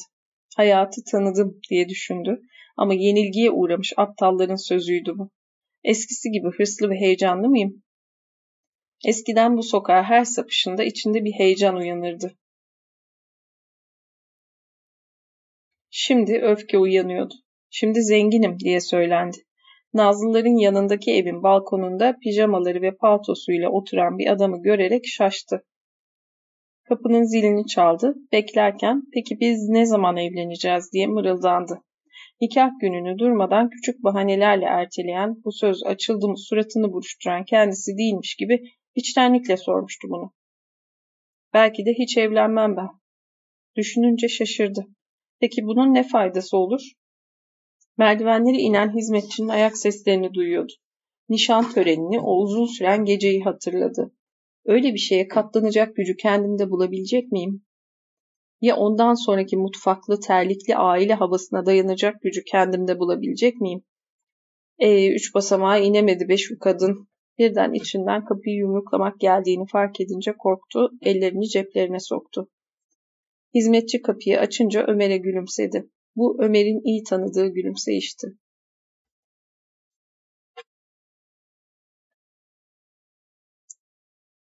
Çocukluğundan beri yaşlı kadınların yakışıklı, hoş, sevimli bir çocuk, bir delikanlı gördükleri için ona neşeyle gülümsediğini görmesine rağmen merdivenleri çıkarken niye gülüyor? Evet, beni sevimli, yakışıklı bulduğu için, ben bir damat adayı olduğum için gülüyor diye düşündü. Sonra sert aceleci hareketlerle oturma odasına birden hızla girdi ve muhtar beyle göz göze gelerek herkesin kendisini sevimli bulmadığını anladı. Gelecekteki kayınpederinin elini sıkarken onun kendisini zorlayarak gülümsediğini fark etti. Sonra odadakileri şöyle bir gözden geçirdi. Nazlı'nın kırmızı bir elbise giydiğini, eve sık sık ziyarete gelen Refet Bey'in her zamanki kendinden hoşnut haliyle başını salladığını kedinin kendisini süzerek yastığında oturduğunu, sofranın da kurulmuş olduğunu gördü. Nazlı'ya bir daha bakarak 12 yaşındaki kız gibi bayramda kırmızılar giymiş diye düşündü ve gidip her zaman oturduğu koltuğa çerçeveli Venedik manzarasına bakan köşeye oturdu. Oy bir şey batmaya görsün. Tabii şimdi her şeyi batacak o kızın. Yani kırmızısı da batacak, bakışı da batacak, gülüşü de batacak. Çünkü konu kızdan bağımsız. Kızla hiç alakası yok çünkü sorularımız başka kafamızdaki değil mi? Ömerciğim. Ömer çünkü şu soruyu sordu. Mutfakta terlikle aile hayatına dayanacak gücü kendimde bulabilecek miyim dedi. Aslında o gücü bulamıyor ama e, bir yola girmiş bulunduğu için de şu anda devam ediyor. E, hiç o kızı yemez mi? Ver tabii. Dedi ünlü düşünür. Muhtar Bey bizim inkılapçı delikanlımız nerede diye sordu. Refik'ten böyle söz ediyordu. Ömer onun az sonra geleceğini, gezdiğini söyledi. Muhtar Bey başını salladı. Refet Bey de hala başını sallıyordu. Birlikte radyoyu dinliyorlardı. Bugün hizmete giren yeni Ankara Radyosu bütün gün yayın yapacaktı. Sabah programı bir dizi konferanstan oluşuyordu. Ömer de dikkatle dinledi. Spiker dünya başarısından, Türkiye'nin dış siyasetinden söz ediyordu. Hiçbir şey konuşulmadan uzun bir süre radyo dinlendi. Sonra araya başka bir konuşmacı girdi ve hariciye vekaleti tarafından hazırlanan Türkiye'nin kuvveti umumi sulh için lazımdır konulu konferansın yayınlandığını açıkladı. Türkiye'nin kuvveti umumi sulh için lazımdır konulu konferansın. Bunun üzerine Muhtar Bey iri gövdesinden beklenmeyen bir hızla ayağa kalktı. İyi, hoş, güzel sözler ama bundan sonra ne olacak dedi. Bundan sonra ne olacak kim biliyor? Refet Bey gazeteden başını kaldırarak bundan sonra İş Bankası konulu bir konferans varmış dedi. Hayatlarının biricik amacı şaka yapıp taşı gediğine yerleştirmek olan insanların keyfiyle kendinden geçti. Demek ki gelecek programda Celal Bey'e ait bir kahkaha attı. Muhtar Bey öfkeyle Allah korusun dedi. Odanın içinde aşağı yukarı yürümeye başladı. Nazlı'nın elbisesinin eteğine yapışan bir ipliği eğilerek aldı. Saatine baktı. Canım bu inkılapçı çocuk nerede dedi. Sonra düşünceli bir bakışla Refet Bey'e döndü. Demek her şey eskisi gibi sürecek ha dedi. Demek böyle düşünüyorsun. Refet Bey bu sefer hayatlarının biricik amacı taşı gediğine koymak olan insanların sık sık çektiği taşı gedikten geri çıkarma sıkıntısıyla muhtarcım yanlış anladın. Muhtarcım bak göreceksin her şey nasıl değişecek dedi. Arkadaşının yüzündeki umutsuzluğu görünce canım niye bu kadar kendini üzüyorsun diye ekledi. Bugün bayram neşelen biraz. Bu keder, bu endişe, bu bekleyiş niye? Nazlı baba otursanıza dedi sonra Refet Bey'e sert sert baktı. Refet Bey Nazlı'nın sert bakışlarından kırdığı şeyin büyüklüğünü galiba anladı. Hadi şarap içelim dedi. Kimseden karşılık beklemeden kendi evindeymiş gibi rahatlıkla koşup bir şişe şarap getirdi. Odanın içinde aşağı yukarı gezinen muhtar beye bir bardak doldurup verdi. Sonra nişanlılara da bardak verdi. Bir hikaye anlatıyordu. Hem hoca hem milletvekili olan Hacı Resul geçenlerde dükkanına gelmiş bir buzdolabı almak ama önce bir görmek istediğini söylemiş. Refet Bey de içinde şarap şişelerini sakladığı dolabı açmış. Hacı önce şaşırmış. Sonra bu hikayeden sonra Refet Bey buna benzer bir başkasını anlattı. Sonra Muhtar Bey ile ortak meclis anılarını tekrarladılar. Yobazlarla ve inkılap düşmanlarıyla alay ettiler. Muhtar Bey şapka kanunu çıktığında Manisa'da aldığı önlemleri, uygulamaları anlattı, neşelendi. Birkaç bardak şarabı da bu arada içti. Nişanlılar da şarap içtiler. Muhtar Bey neşeyle hatıralarını anlatırken birden anlattığı şeyi yarıda kesip bağırdı. Ah hala o çirkin kıyafetle balkonda oturuyor yahu. Refet Bey kim dedi. Bizim komşu albay hiç utanmak yok. Bir karış sakal Cumhuriyet'in 15. yılında. Canım bize ne ondan dedi Refet Bey. Bayram bu. Herkes istediği gibi eğlenir, dinlenir. Yok yok diye bağırdı muhtar bey. Ben şimdi gidip onun kapısını çalacağım. Söyleyeceğim sözü de biliyorum. Ne gülüyorsun Refet ne var gülecek sen de onlar gibi oldun sonunda. Elinde içki gülüyorsun. Allah aşkına biz öldük mü? İnkılapçı nesil öldü mü? Refet Bey canım bırak adam sabah keyfi yapsın dedi. Nazlı baba siz artık içmeseniz dedi. Muhtar Bey ne sabah keyfi yahu dedi saat kaç oldu on bir buçuk. Nerede peki bizim delikanlı? Nazlı yemeği 12'de yiyeceğiz dedik ya baba dedi. Ömer endişeyle birazdan gelir efendim dedi. Refet Bey hala yahu biraz sakinleşsene sen diyordu. İçkiye de gelemiyorsun. Muhtar Bey hadi hadi içkinden başlatma şimdi dedi. O da İstanbul'da içkiden gidiyor işte. Yüzü kıpkırmızı kesildi. Gidip şu komşunun gidip şu komşunun kapısını çalacağım sabah sabah. Nerede bizim delikanlı? Nazlı ayağa kalkmıştı. Baba otursanıza dedi. Bugün oturulacak gün mü dedi muhtar bey. Meclise geç kalacağım. Sonra herkes muhtar meclis başkanını tebliğe gelmedi der. Geç kalacağım. Bari şu elbiseyi değiştireyim de hazır olayım. Aman baba yemekte elbisenize yağ damlatırsınız dedi Nazlı. Vazgeçin. Sonra giyersiniz fırağınızı. Ne oluyor yahu bugün size dedi muhtar bey. Onu yapma bunu yapma. Gider komşunun kapısını çalarım vallahi. Gülmeye başladım. Mefet Bey de güldü. Aman muhtar boş ver. Abdülhamit zamanında mıyız? Padişah zamanında mıyız? Bırak adam istediğini giysin, istediği gibi otursun. Hürriyet var artık. Nazlı da gülmeye başlamıştı. Hep birlikte gülüyorlardı. Kedi de ayağa kalkmıştı. Muhtar bey şimdi fram ve şapkamı giyeyim de görün beni dedi. Şu inkılapçı çocuk gelsin de görsün beni. Biz hala çakı gibiyiz öyle değil mi? Çakı gibi. Gülmeye başladı. Hizmetçi de gürültüye koşmuş, içeri girmiş, gülenlere bakıyor. Bir şey anlamadan ama az sonra anlayacağına inanarak gülüyordu. Sonra masanın üzerindeki boş şarap şişesini görerek suratını asar gibi yaptı ama gene güldü. Refet Bey Muhtar Bey'in koluna girdi. Hadi gidelim de bana frak nasıl giyilir öğret dedi. Şakasını kendisi de beğenmemiş olacak ki gülmedi. Muhtar Bey odadan çıkarken bir kahkaha attı. Birden bir şey hatırlayarak döndü. Elbisesine damlayan bir lekeye bakarmış gibi yüzünü buruşturarak bir an Ömer'e baktı, sonra çıktı. Beylerin arkasından bakan hizmetçi Nazlı ile Ömer'e döndü. İyi, beyefendi neşeli bugün, dedi. Nazlı evet, dedi. Hizmetçi aman aman iyi olsunlar da diyerek mutfağa yürüdü. Sessizlik başladı. Ömer, Nazlı'nın bakışlarının üzerinde gezindiğini gördü. Kalkıp bir sigara yaktı. Radyoyu kapadı. Sonra gene aynı koltuğa oturdu. Bugün bu ev, aile ve cumhuriyet havasından çıkmak geliyordu içinden ama ne yapacağını bilmiyordu. Laf olsun diye kendi kendine ben zenginim, nişanlımla oturuyorum diye mırıldandı. Yaşıyorum. Daha çok şeyler göreceğim, yaşayacağım. Nazlı birden babamı nasıl buluyorsun dedi. Ömer iyi, iyi işte dedi. Sonra değişik bir şey söylemesi gerektiğini düşünerek sinirli ve sabırsız dedi ama bu sözlerinde hiç de değişik olmadığını anladı. Nazlı evet dedi. Uzun bir süre sustular. Ömer gene aynı şeyleri düşündü. Sonra düşüncelerinin saçma sapan olduğuna karar verdi. Nazlı, Refik de nerede kaldı dedi. Ömer gelir işte canım diye homurdandı. Nazlı elinin sinirli bir hareketiyle etekliğini çekiştirerek bugün sen de hiçbir şey söylemiyorsun dedi. Ömer hala kırmızı eteği çekiştiren o sinirli ele bakarak ne var senin dedi ne istiyorsun? Hiçbir şeyim yok hiçbir şey de istemiyorum dedi Nazlı. Sonra tuhaf bir suratla Ömer'e baktı. Ömer bu bakışı önce tuhaf buldu ama sonra eski ve hoş bazı şeyleri hatırladı. İçinden Nazlı'ya yakınlık göstermek geldi. Gözlerini ondan kaçırdı. Sigarasından bir nefes çekti. İçinden Nazlı'ya yakınlık göstermek geldi. Gözlerini ondan kaçırdı. Sigarasından bir nefes çekti. Nazlı'nın hala o tuhaf bakışta kendisine baktığını anlayarak döndü.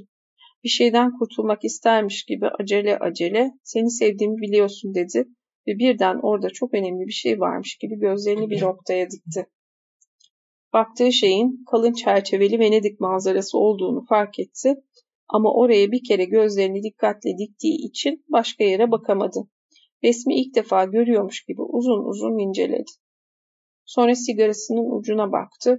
Gözünün bu sefer de buraya takıldığını düşünüyordu ki Nazlı'nın bir şeyler söylediğini fark etti.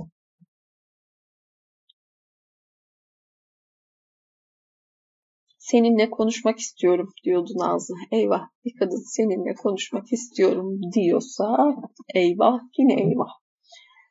İyi işte konuşalım. Sana bazı şeyler sormak istiyorum. Evet sor canım işte dedi Ömer. Nazlı'yı şöyle bir süzen bakışları gelip gene ağzındaki sigaranın ucuna takıldı.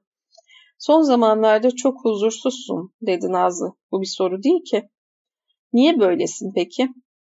Huzursuz değilim ki dedi Ömer. Sonra tedirgin olduğunu düşündü. Evet.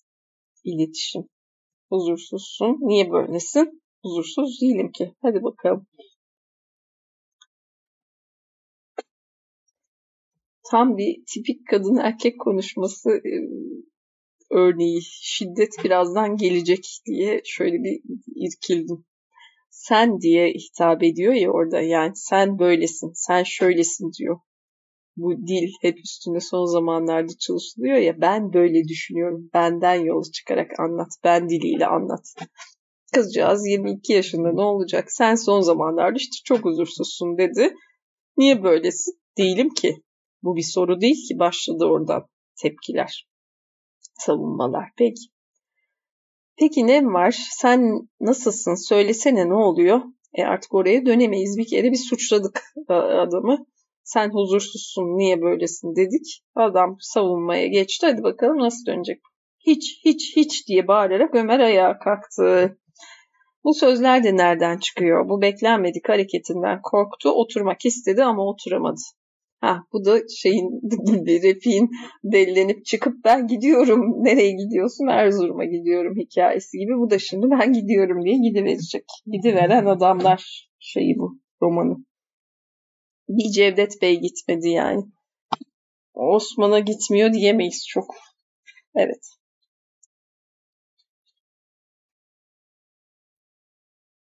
Evet, oturmak istedi ama oturamadı. Bilmiyorum diye mırıldandı Nazlı. Sana açıkça sormak istiyorum. Ömer onun soracağı şeyi ağlayarak sormasından endişelenerek odanın öteki ucuna hızla yürüdü. Eyvah kadın ağlayacak. Büfenin üzerindeki kavukluğa yakından baktı, sigarasını söndürdü. Sana şunu sormak istiyorum. Bunu düşündüm. Aklım şey gitti. Dün bir şey okudum. Kaybedenler kulübünden bir cümlede kadın ağlıyordu. Kadınlar hep ağlar diye bir şey vardı da böyle. Kadın ağlayış evet ya. Ağlıyoruz ya, ağlıyoruz yani. İfade şeklimiz bu. Ağlayarak ifade edebiliyoruz kendimizi. Ne yapalım? Ömer onun soracağı şeyi ağlayarak sorması erkekler çok korkuyor bu ağlamada. Çok abartıyorlar bu ağlama şeyin korkusunu. Korkmasınlar bu kadar değil mi? Normal bir şey gibi böyle bir hani ciddiye almamak da değil, ciddiye almasınlar da değil tabii ciddiye alınsın o ağlamanın arkasında bir şey var elbette ama devam. Ömer onun soracağı şeyi ağlayarak sormasından endişelenerek odanın öteki ucuna hızla yürüdü. Büfenin üzerindeki kavukluğa yakından baktı, sigarasını söndürdü. Sana şunu sormak istiyorum. Bunu düşündüm. Nazlı ayağa kalkmış yaklaşıyordu. Sana açıkça sormak istiyorum. Cevabını yüzümü kızartmadan karşılayabileceğimi sanıyorum. Ömer sedef kalkmalı kavukluğa bakıyor. Yanağının seyirdiğini, ağzının çirkin bir görüntüsü olması gerektiğini düşünüyordu. Yüzüm kızarmayacak. Soruyorum. Beni almak istemiyor musun? Ömer'in hemen arkasındaydı. Beni almak istemiyorsan söyle. Beni almak istemiyor musun? Cümlenin korkunçluğu. Hani beni istemiyor musun demiyor.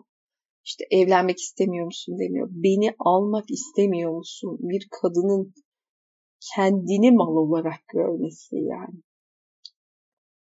Of. Devam. Saçma diye bağırdı Ömer. Birden iğreti ve tedirgin bir hareketle döndü. Nazlı'nın yüzünü yakından gördü. Elleriyle başını yakaladı, kendine doğru çekti, sonra uzandı, bütün gücüyle ağzından öptü. Hiçbir şey düşünmeden tuhaf bir coşkuyla yapmıştı bunları. Beni almak istemiyorsan söyle dedi Nazlı. Ömer aynı yüzü gene bütün gücüyle ve biraz canını yakmak isteyerek öptü. Sonra ben bir Fatih'im, ben bir erkeğim, sıradan bir insan değil dedi. Nazlı nikah niye hep erteliyorsun diye mırıldandı galiba titriyordu. Ömer onun yüzüne bakmadan hep işlerim çıktığını biliyorsun dedi. Doğru değil. İşte yüzün kızarıyor diye bağırdı Ömer. Nazlı bağırma lütfen, bağırma duyacaklar dedi. Sonra gözlerinden yaş akmaya başladı. Ömer onu bıraktı, bir adım geri çekildi, kırmızı eteğini süzdü. Nazlı yaşları silerek başını kaldırdı. İşte gene o alaycı küçümseyici bakışlar. Ben sana ne yaptım? Beni küçümsüyorsan, istemiyorsan söyle. Ben istiyorum ama sen istemiyorsun diyerek Ömer güldü. Nazlı gene ağlamaya başladı. Ömer onu yatıştırmak, avutmak isteyerek yaklaştı, omuzlarından tuttu ama içeriden sesler gelince korkuyla çekildi. Hadi oturalım şuraya dedi Ömer. Sesinin perdesinden korktu. Şu içkiyi içmeyecektin. Her şey ondan. Sana dokunuyor biliyorsun. Ha, illa bir bahane değil mi? Aceleyle gidip az önce oturdukları yerlere oturdular. Koridordan neşeli sesler geliyordu.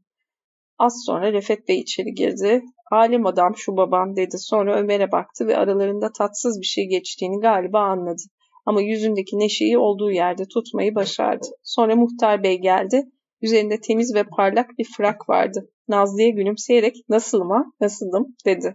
Birden Nazlı oturduğu yerden kalktı. Birkaç hızlı adım attı. Çok iyisiniz baba dedi ve babasına sarıldı. Muhtar bey de duygulanarak kızına sarıldı. Sonra sırtına birkaç şaplak vurdu. Sonra galiba Nazlı'nın titrediğini hissetti. Omuzlarından tutarak kızının suratına baktı. ''Aa ağlıyorsun sen'' dedi. ''Ne var ağlanacak şimdi?'' Nazlı ne bileyim ben ağlıyorum işte dedi ve bu sefer herkese duyurarak ağlamaya başladı. Birden bir şaşkınlık oldu. Muhtar Bey kızına daha sıkı sarıldı, saçlarını okşadı. Sonra bir şey hatırlayarak güldü. Ah tamam şaraptan. Annesi de, annesi de böyleydi kızımın tabii. Ben derdim ki ona bir kadeh şarap, bir kaşık gözyaşı. Bir kadeh şarap, bir kaşık gözyaşı. Gülmeye başladı. Anasının kızı. Rahmetli de olacaktı burada. 15. yılı görecekti. Sonra Nazlı'yı yanaklarından öptü. Bir ara Ömer'le göz göze geldi ve neşesi kaçar gibi oldu. Ömer bu suçlayıcı bakıştan kurtulmaya çalıştı ama kurtulamadı. Kendisini suçlu, kötü ve aşağılık biri olarak görüyor. Kendinden iğrenmemek için başka şeyler düşünmeye, olup biteni olağan karşılamaya, neşeli olmaya çalışıyordu. Muhtar Bey kızını bir daha yanaklarından öptü ve gülümsedi. Bugün bayram, neşeli olmak lazım, dedi. Nazlı'nın gülümsediğini görünce de sevinerek, sahi nasıl buldun kıyafetimi diye sordu. Sonra kapının zilinin çalındığını işitince, işte genç inkılapçı arkadaşımız da geldi, dedi. Beni görünce bakalım ne diyecek. İnkılapçı nesil dimdik ayakta diyecektir. Evet, böyle diyecektir. Evet, 42. bölümde böyle bitti. Yani kadınların bir şeyi bilip bunu konuşmaya çalışmasının dehşeti. Yani farkında küçümsüyor işte seni. Beğenmiyor. Kırmızı elbisene bakıyor. İstemiyor. Yani bunu niye illa onun ağzından duymaya çalışıyorsun? Seni istemiyorum. Niye ağzından duyuyor? İstemiyor işte. Bakışından, gözünden, beden dilinden, aksiyonlarından her şeyden anlıyorsun bunu. İlla bir hani böyle bir hani şey sağmak sonuna kadar sığıp ondan sonra anlama hadisesi. Hep bir umut yani bütün o hareketleri yorumlayıp acaba ben yanılıyor muyum? Belki de yanlış yorumluyorumculuk mudur nedir? Evet. Bir bölümü daha kızarak bitirdiysem tamamdır. Peki şimdilik nokta olsun. Sesim de gidiyor zaten. Nokta.